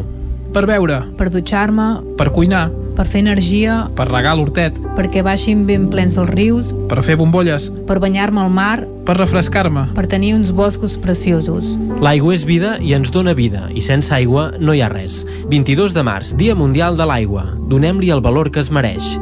Aigües Vic, el valor de l'aigua. Això és el que s'escolta al voltant d'una caldera saunia d'Oval.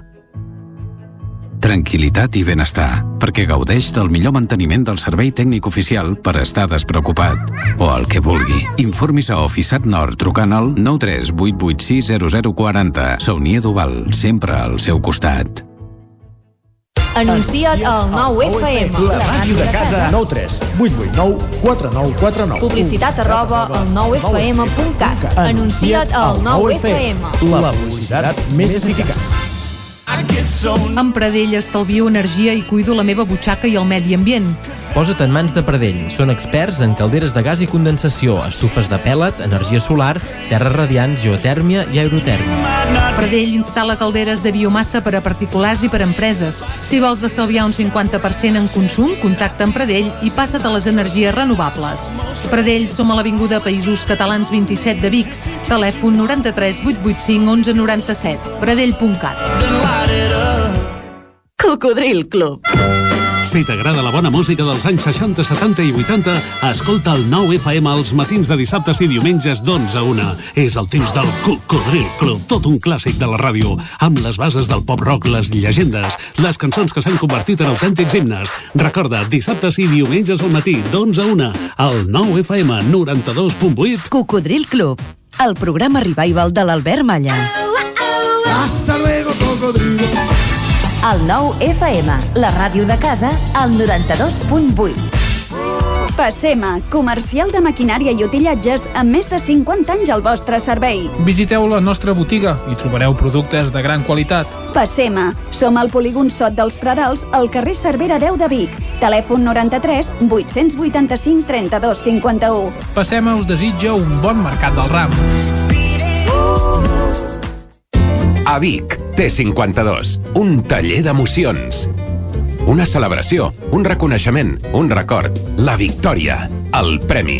Tenim una solució personalitzada per a cada ocasió. Ens trobaràs al centre, al carrer 941 i també a l'Horta Vermella, al carrer Menéndez Pelayo 31. Més informació a t52.cat. El 9 FM, el 9 FM, el 9 FM, el 9 FM, el 9 FM.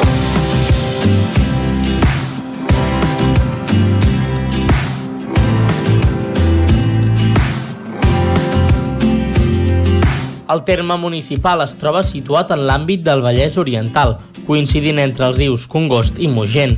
La més antiga referència documental de Montmeló és un acte del 945 en què s'esmenta l'església de Santa Maria, que encara conserva un important conjunt de pintura mural romànica amb escenes de l'Epifania i de l'Anunciació de la Verge. Montmeló compta actualment amb gairebé 9.000 habitants i és un municipi bàsicament residencial, que s'ha caracteritzat per tenir un creixement urbanístic molt ordenat, amb moltes àrees de baixa densitat d'habitatges, amplis espais i zones verdes. La població és coneguda perquè el 991 va ser inaugurat el circuit de Barcelona-Catalunya, construït en la seva major part en el terme municipal de Montmeló i que ha posat el nom del municipi al món. El municipi conserva un patrimoni arqueològic important, principalment pel que fa als jaciments d'època romana republicana, entre els quals destaquen la vila romana de Can Massot, el nucli urbà, i el jaciment de Can Tacó, el turó de les Tres Creus. Aquest últim està declarat bé cultural d'interès nacional en la categoria de zona arqueològica. Les primeres etapes de la seva història es remunten a l'època neolítica, ara fa més de 7.000 anys.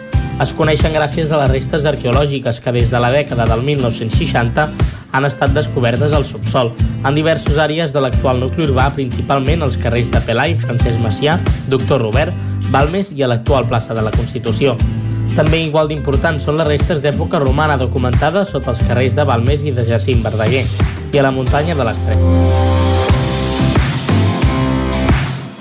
Territori 17 doncs avui que descobrint Catalunya hem conegut les virtuts eh, de Montmeló i recordem que com que des d'ahir mateix ja s'ha aixecat el confinament comarcal, doncs tota la gent que ens escolta de Territori 17 que no sigui del Vallès Oriental també pot fer cap a Montmeló a fer un vol i a conèixer eh, bé, això, els racons d'aquest municipi. Això sí, cal fer-ho amb la seva bombolla de convivència, eh? no s'hi val a quedar aquí un grup d'amiguets i anar a fer el vol a Montmeló. Fet aquest apunt geogràfic cap a Montmeló, el que ens toca ara és enfilar-nos cap al tren i anar a la Trenc d'Alba. A Trenc d'Alba, edició pandèmia. Ara sense els usuaris que ens explicaven les seves desgràcies a la R3, però amb els mateixos retards i problemes de sempre. Benvinguts a Tren d'Alba. Doncs aquesta setmana us desenvoluparé una bona notícia perquè Renfe ha adjudicat a Alstom i Stadler el contracte per la compra de 211 trens de gran capacitat per Rodalies per un import total de 2.445 milions d'euros. De tots aquests trens, 176 tindran una longitud de 100 metres cadascun, mentre que n'hi haurà uns 35 que arribaran als 200 metres. El contracte es divideix en dos lots. El primer adjudicat a Alstom Transporte per subministrament de 152 trens de 100 metres de llargada per un cost de 1.000 1.447 milions d'euros i el segon adjudicat a Stadler Rail València per 24 trens de 100 metres de longitud i 35 de 200 metres cadascun per un cost de 998 milions d'euros. Tots dos inclouen peces del parc, un magatzem inicial de recanvis amb els seus utillatges i el manteniment durant 15 anys. A més, la prestació dels serveis de manteniment es farà a través de societats anònimes participades del 51% de la companyia adjudicatària i el 49% a través de Renfe Fabricació i Manteniment. La gran pregunta és quants d'aquests aquests trens vindran cap a Catalunya, que falta que ens fan. Va, ens retrobem demà amb més històries del tren i de la R3. Territori 17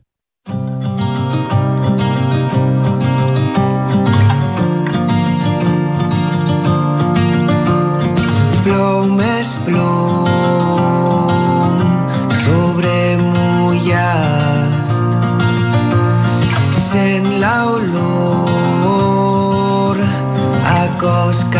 cansat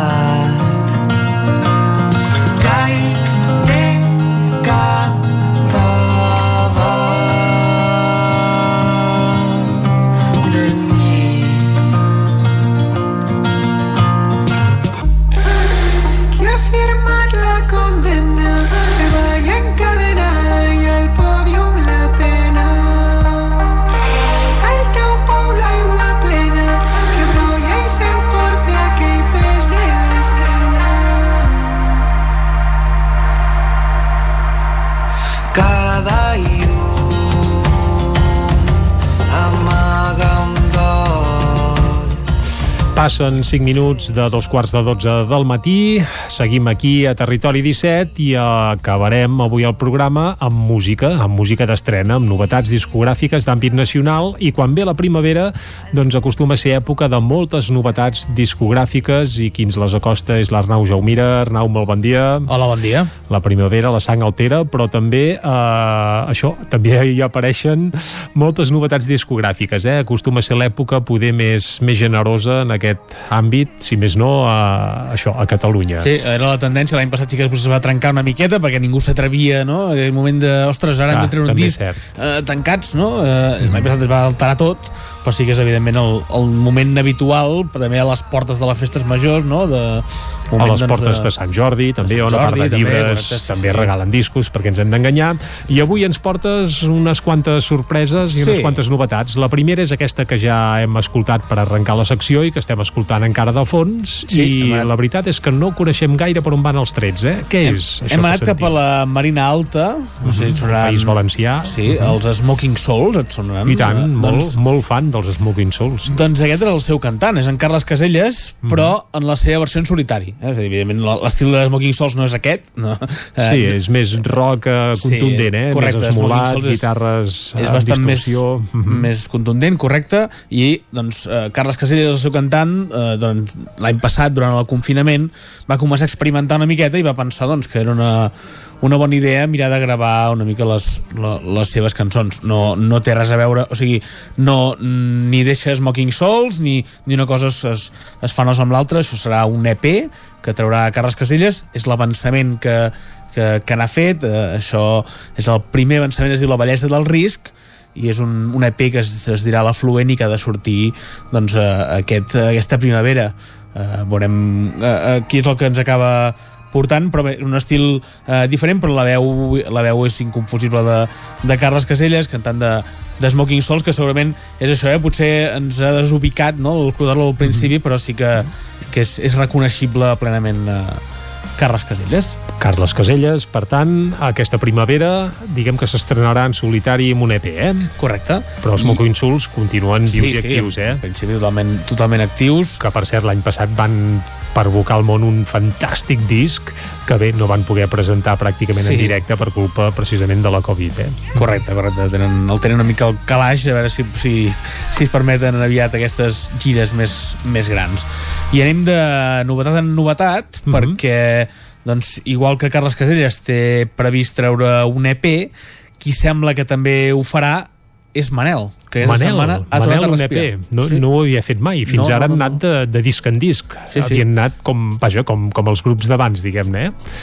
Doncs sí, estem escoltant el que és el seu avançament i que va sortir per sorpresa Mhm. la setmana passada, a finals de la setmana passada, dijous, a les 6 de la tarda, van, van, no, no, ningú sabia d'on d'on venia, va aparèixer aquest La man malalta, que si et sembla escoltem I una tant. miqueta. Escoltem-lo.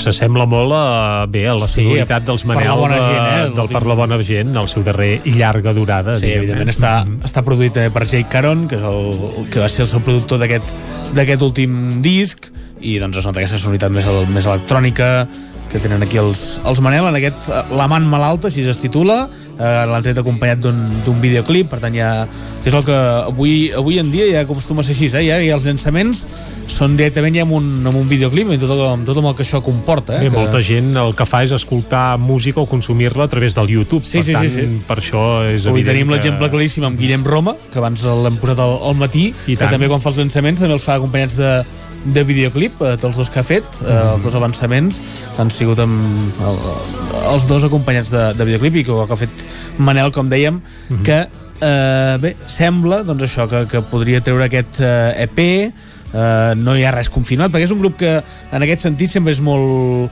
molt Va- opac van a la eh? seva, eh? Van bastant a la seva. Sí, Mhm. i no acostumen a, a filtrar masses coses fins al moment de, de la veritat. I bé, eh, com dèiem, aquest, m'ho he explicat abans ha sortit, va sortir del no res van penjar l'EP aquest senzill volíem dir a les, a les xarxes i doncs, aquest eh, amant malalta doncs, que, que ja es pot eh, escoltar i que veurem si és l'aperitiu de- d'alguna cosa més Mhm. es, esperem que sí aquest amant malalta, que no sé si fa, no sabem si fa referència a la Covid o no, però es pot interpretar bastant que sí, té, eh? Té pinta, té pinta que sí, comença parlant de febres altes, d'una cita que no, Mm. que no es du a terme perquè, perquè, perquè doncs, la, la persona té, té febre, que és bueno, el que estem ja vivint des de fa un any, que quan hi ha febre no, no, no hi ha trobades, això és evident. Cas endena. Uh, Molt bé, doncs els després- Manel que continuen vius i actius, i tant que sí. I això anava a dir, després de fer aquests dos avançaments que, que hem pogut escoltar, Carles Caselles i Manel, ara sí que ens submergim en un, en un disc que acaba de, de sortir al carrer, i mai millor dit perquè es diu Carrer, mm. és uh, dels Every Night, i si sembla escoltem la cançó que, que hi, dona, hi dona nom. Doncs vinga, una mica de folk rock amb els Every Night. No hem fet res més que allò que ens explicaven, seguir el guió del que volíem ser. Cada tarda repeties que tot quedaria en res.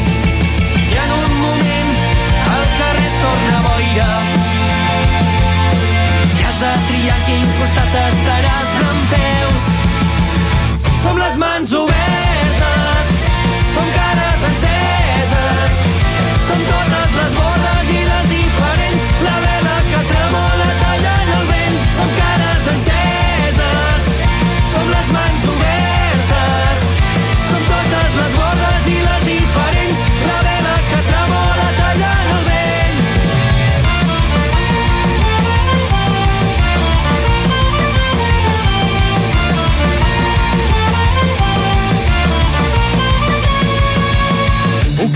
carreró qualsevol enmig del barri, fumant les penes la nit passarà.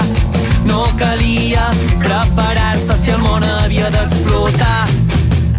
No vam saber què era equivocar-se fins que un dia ens van posar el mirall. Els Every Night que continuen fidels al seu so, eh? aquest so esmolat, amb reminiscències celtes i Sí. folkis, però també amb guitarres amb distorsió, eh? Sí, sí, sí, és el que, el que sembla en aquest, en aquest disc, en aquest uh, carrer, com dèiem, que és el, el seu cinquè disc, i que bé, doncs ja fa, ja fa anys aquest, aquest grup de, del Maresme, de fet van néixer fa 15 anys, es deien eh, Nota Negra al, al principi, que és un anagrama d'Argentona, eh? és a dir, són un grup de- d'Argentona i Nota Negra, eh? si, si ens hi fixem, són les mateixes lletres eh, canviades d'ordre, que és el nom que va tenir a l'inici doncs, els, els Every Night. Ah, carai, veus? Això no ho sabíem.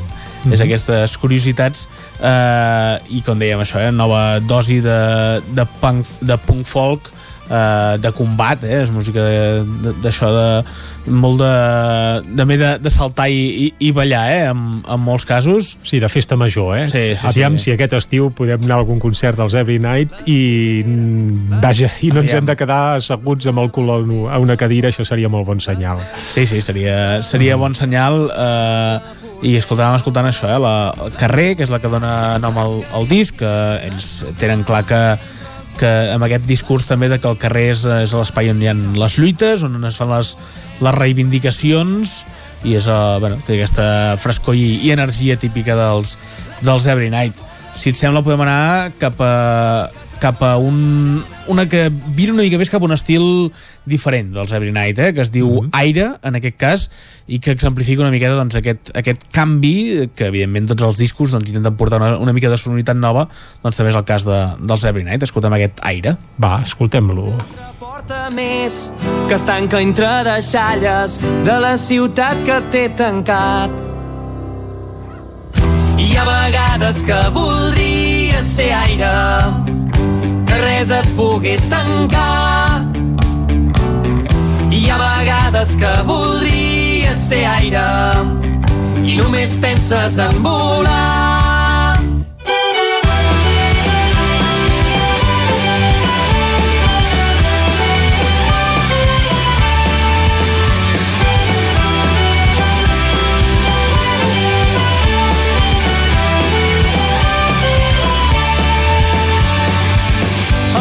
Ulls de carbó són llàgrimes de sofre a mans d'un aire desbocat.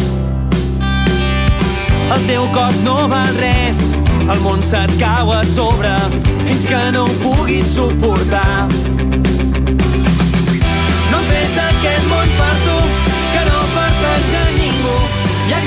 Bé, doncs són reconeixibles, eh? Sí que Sí. la introducció despistava un pèl, però aquí eh, aquell so marca de la casa, Sí, sí, violí, flauta irlandesa i, i pebre, i pebre amb una base contundent. Sí, sí, amb el folk eh, sempre present de, de fons, és una, una combinació sempre interessant la, de, la dels Every Night.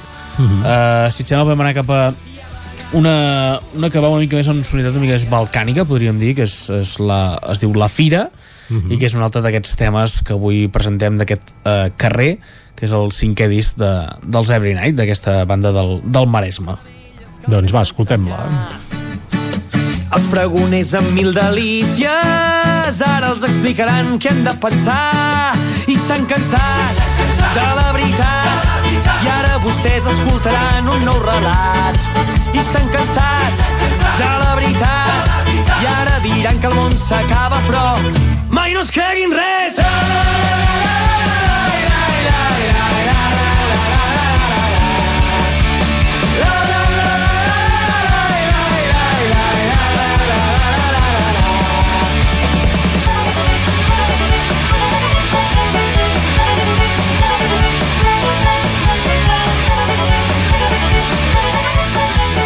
Aquest aire hooligan mola, Sí, sí. eh? És, és divertit. Sí, Sí, sí, empenya, empenya a, a corejar, encara que sigui de tornada, no? que és aquells que enganxen ja. Convida a la festa, la disbauxa i Sí, sí, sí. bé, i això, a celebrar-ho per anar bé amb un got als dits i a peu dret Correcte. i a l'aire lliure.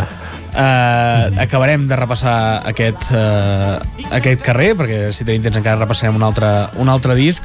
Ho farem amb, amb un dels temes també de, de combat, que només el títol ja, ja, ja ho diu, eh? Estima la música, odia el feixisme. És el que es diu el, el títol d'aquesta cançó, sempre, doncs, Every Night també contundents en aquest... Sense pèls a la Sí, llengua. sí, sí, en aquest, en aquest sentit sempre les lletres i el, i el missatge eh, és clar en, en el Every Night, en aquesta música de combat no només de, de sonoritat sinó també de, de paraules. Doncs estimem la música, va.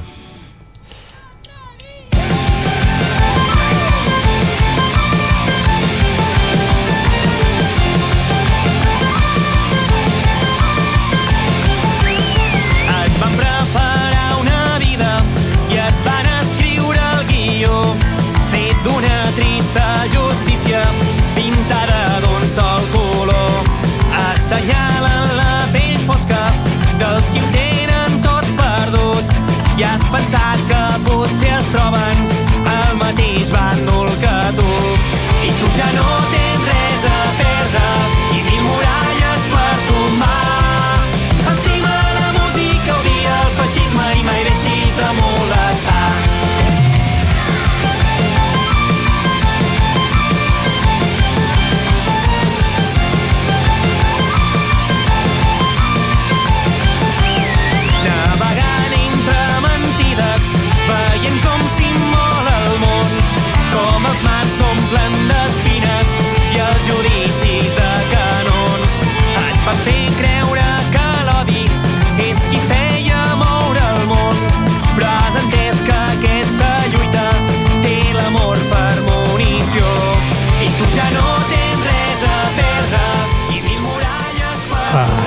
lletres amb missatge, també Sí, sí, marca de la casa dels Every Night. Lletres amb missatge, aquest... Eh, bé, els, eh, alguns els, els hi diu els talco catalans, eh? Una mica tenen un estil molt similar, molt de, de lluita amb aquesta banda italiana, talco mítica, eh, doncs, eh, el, els Every Night que tenen aquest eh, estil similar i Els que... Talco, que per cert ara s'han reinventat en acústic també, Sí. eh, arran de la pandèmia, però bé, això seria un altre, Sí, sí, un altre sí. tema. Sí, sí. En aquest cas aquí, no, aquí en principi no en parlem perquè no canten en català ni són del territori català, però ens interessa, ens interessa sempre saber de, de Talco perquè és uh, un grup a sempre a tenir, a tenir en compte.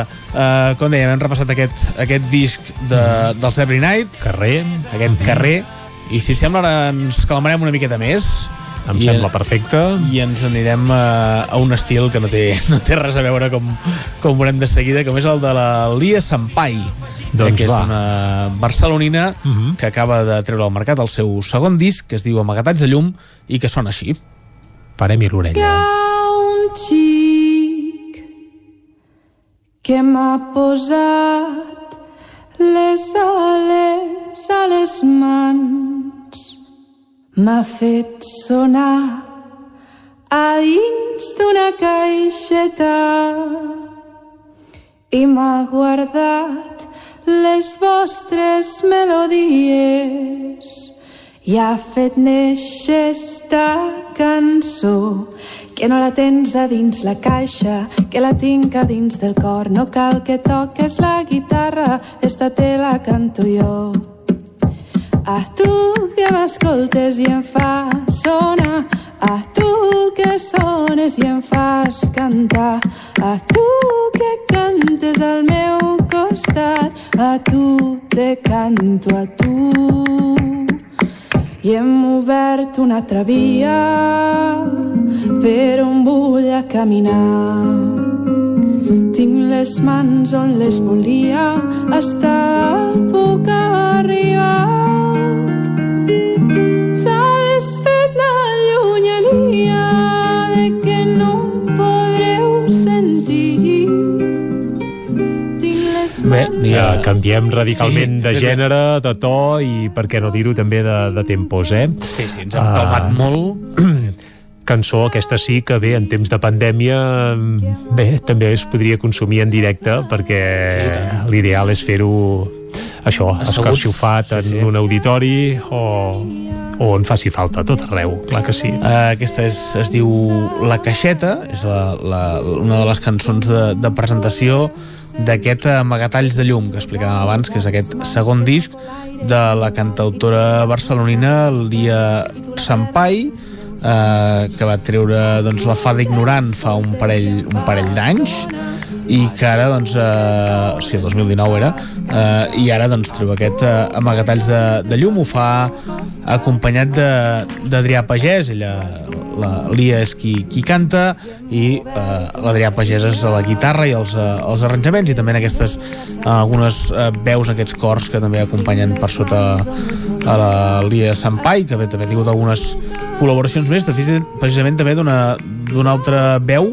que en vam parlar al programa fa, un, fa uns mesos, que és Tona Gafarot, que Ah, ja n'havíem- membre de les Anxovetes, Sí, doncs, aquell grup de veneres. també fa una, una de les col·laboracions en aquest eh, disc de, de, de, de la Lia Sampai, com dèiem. Escoltem eh, un altre dels temes eh, de presentació d'aquest disc, que en aquest cas escoltarem Joc de Miralls. Escoltem-la.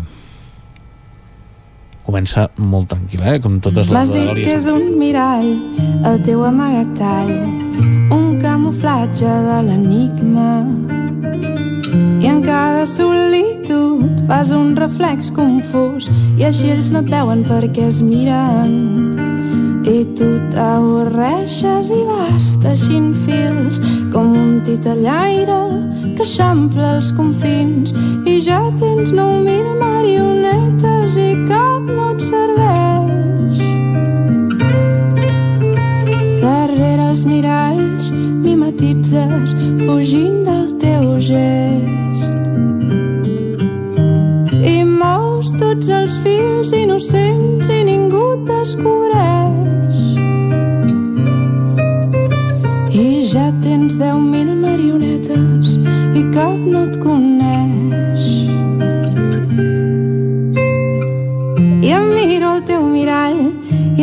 a tu mateix i ja no tens on amagar-te.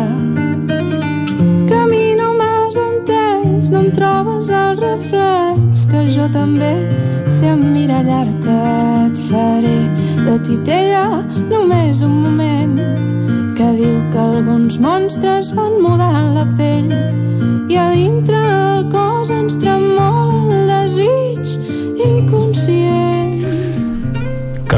Acabar avui així, aquí Sí, a Territori calmats, 17, eh? perquè aquesta veu és preciosa. Sí, sí, aquesta veu dolcíssima de la Lia Sampai que doncs, avui estem coneixent una mica més aquest seu segon disc eh, que com dèiem és això, eh, un disc molt tranquil en, en la gran majoria acompanyat d'aquesta guitarra. Sí que han fet algun experiment amb producció electrònica i guitarra elèctrica que, que bueno, sense, bueno, segurament és una mica de diferències en, amb el disc anterior i també cançons una mica més estranyes com Pinyols de gel que podem escoltar ara mateix. Pinyols de gel. se'n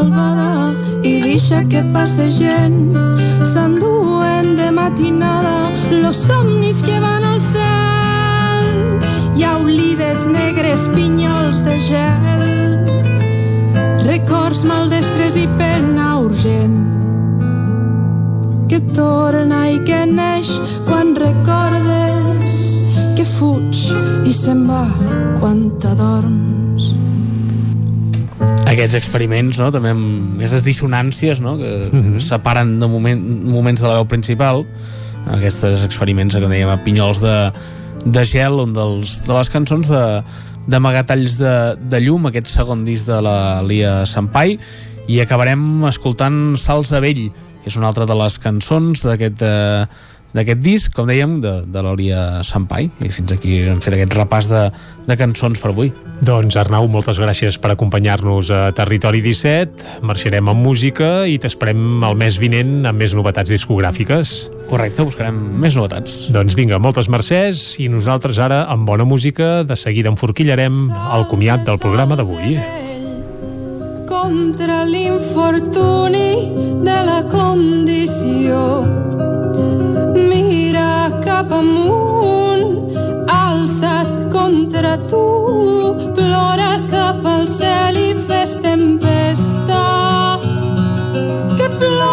La música us direm adeu i ens acomiadarem del territori 17. Tornarem demà, com sempre, de les 9 del matí fins a les 12 del migdia. I avui hem fet el territori 17 amb Vicenç Vigues, amb Clàudia Dinarès, David Auladell, Caral Campàs, Isaac Muntades, també ens han acompanyat Joan Carles Arredondo, Txela Falgueres, Arnau Jaumira, avui també des del control de so. També hem tingut la companyia de l'Isaac Moreno, la Txell Vilamala i el Guillem Rico. Tots plegats hem fet el territori 17 d'avui. Tornem demà. Com sempre, us farem companyia des de les 9 del matí i fins a les 12 del migdia. Salut i a reveure. Territori 17, un magazín del nou FM. La veu de Sant Joan, Ona Codinenca i Ràdio Cardedeu amb el suport de la xarxa.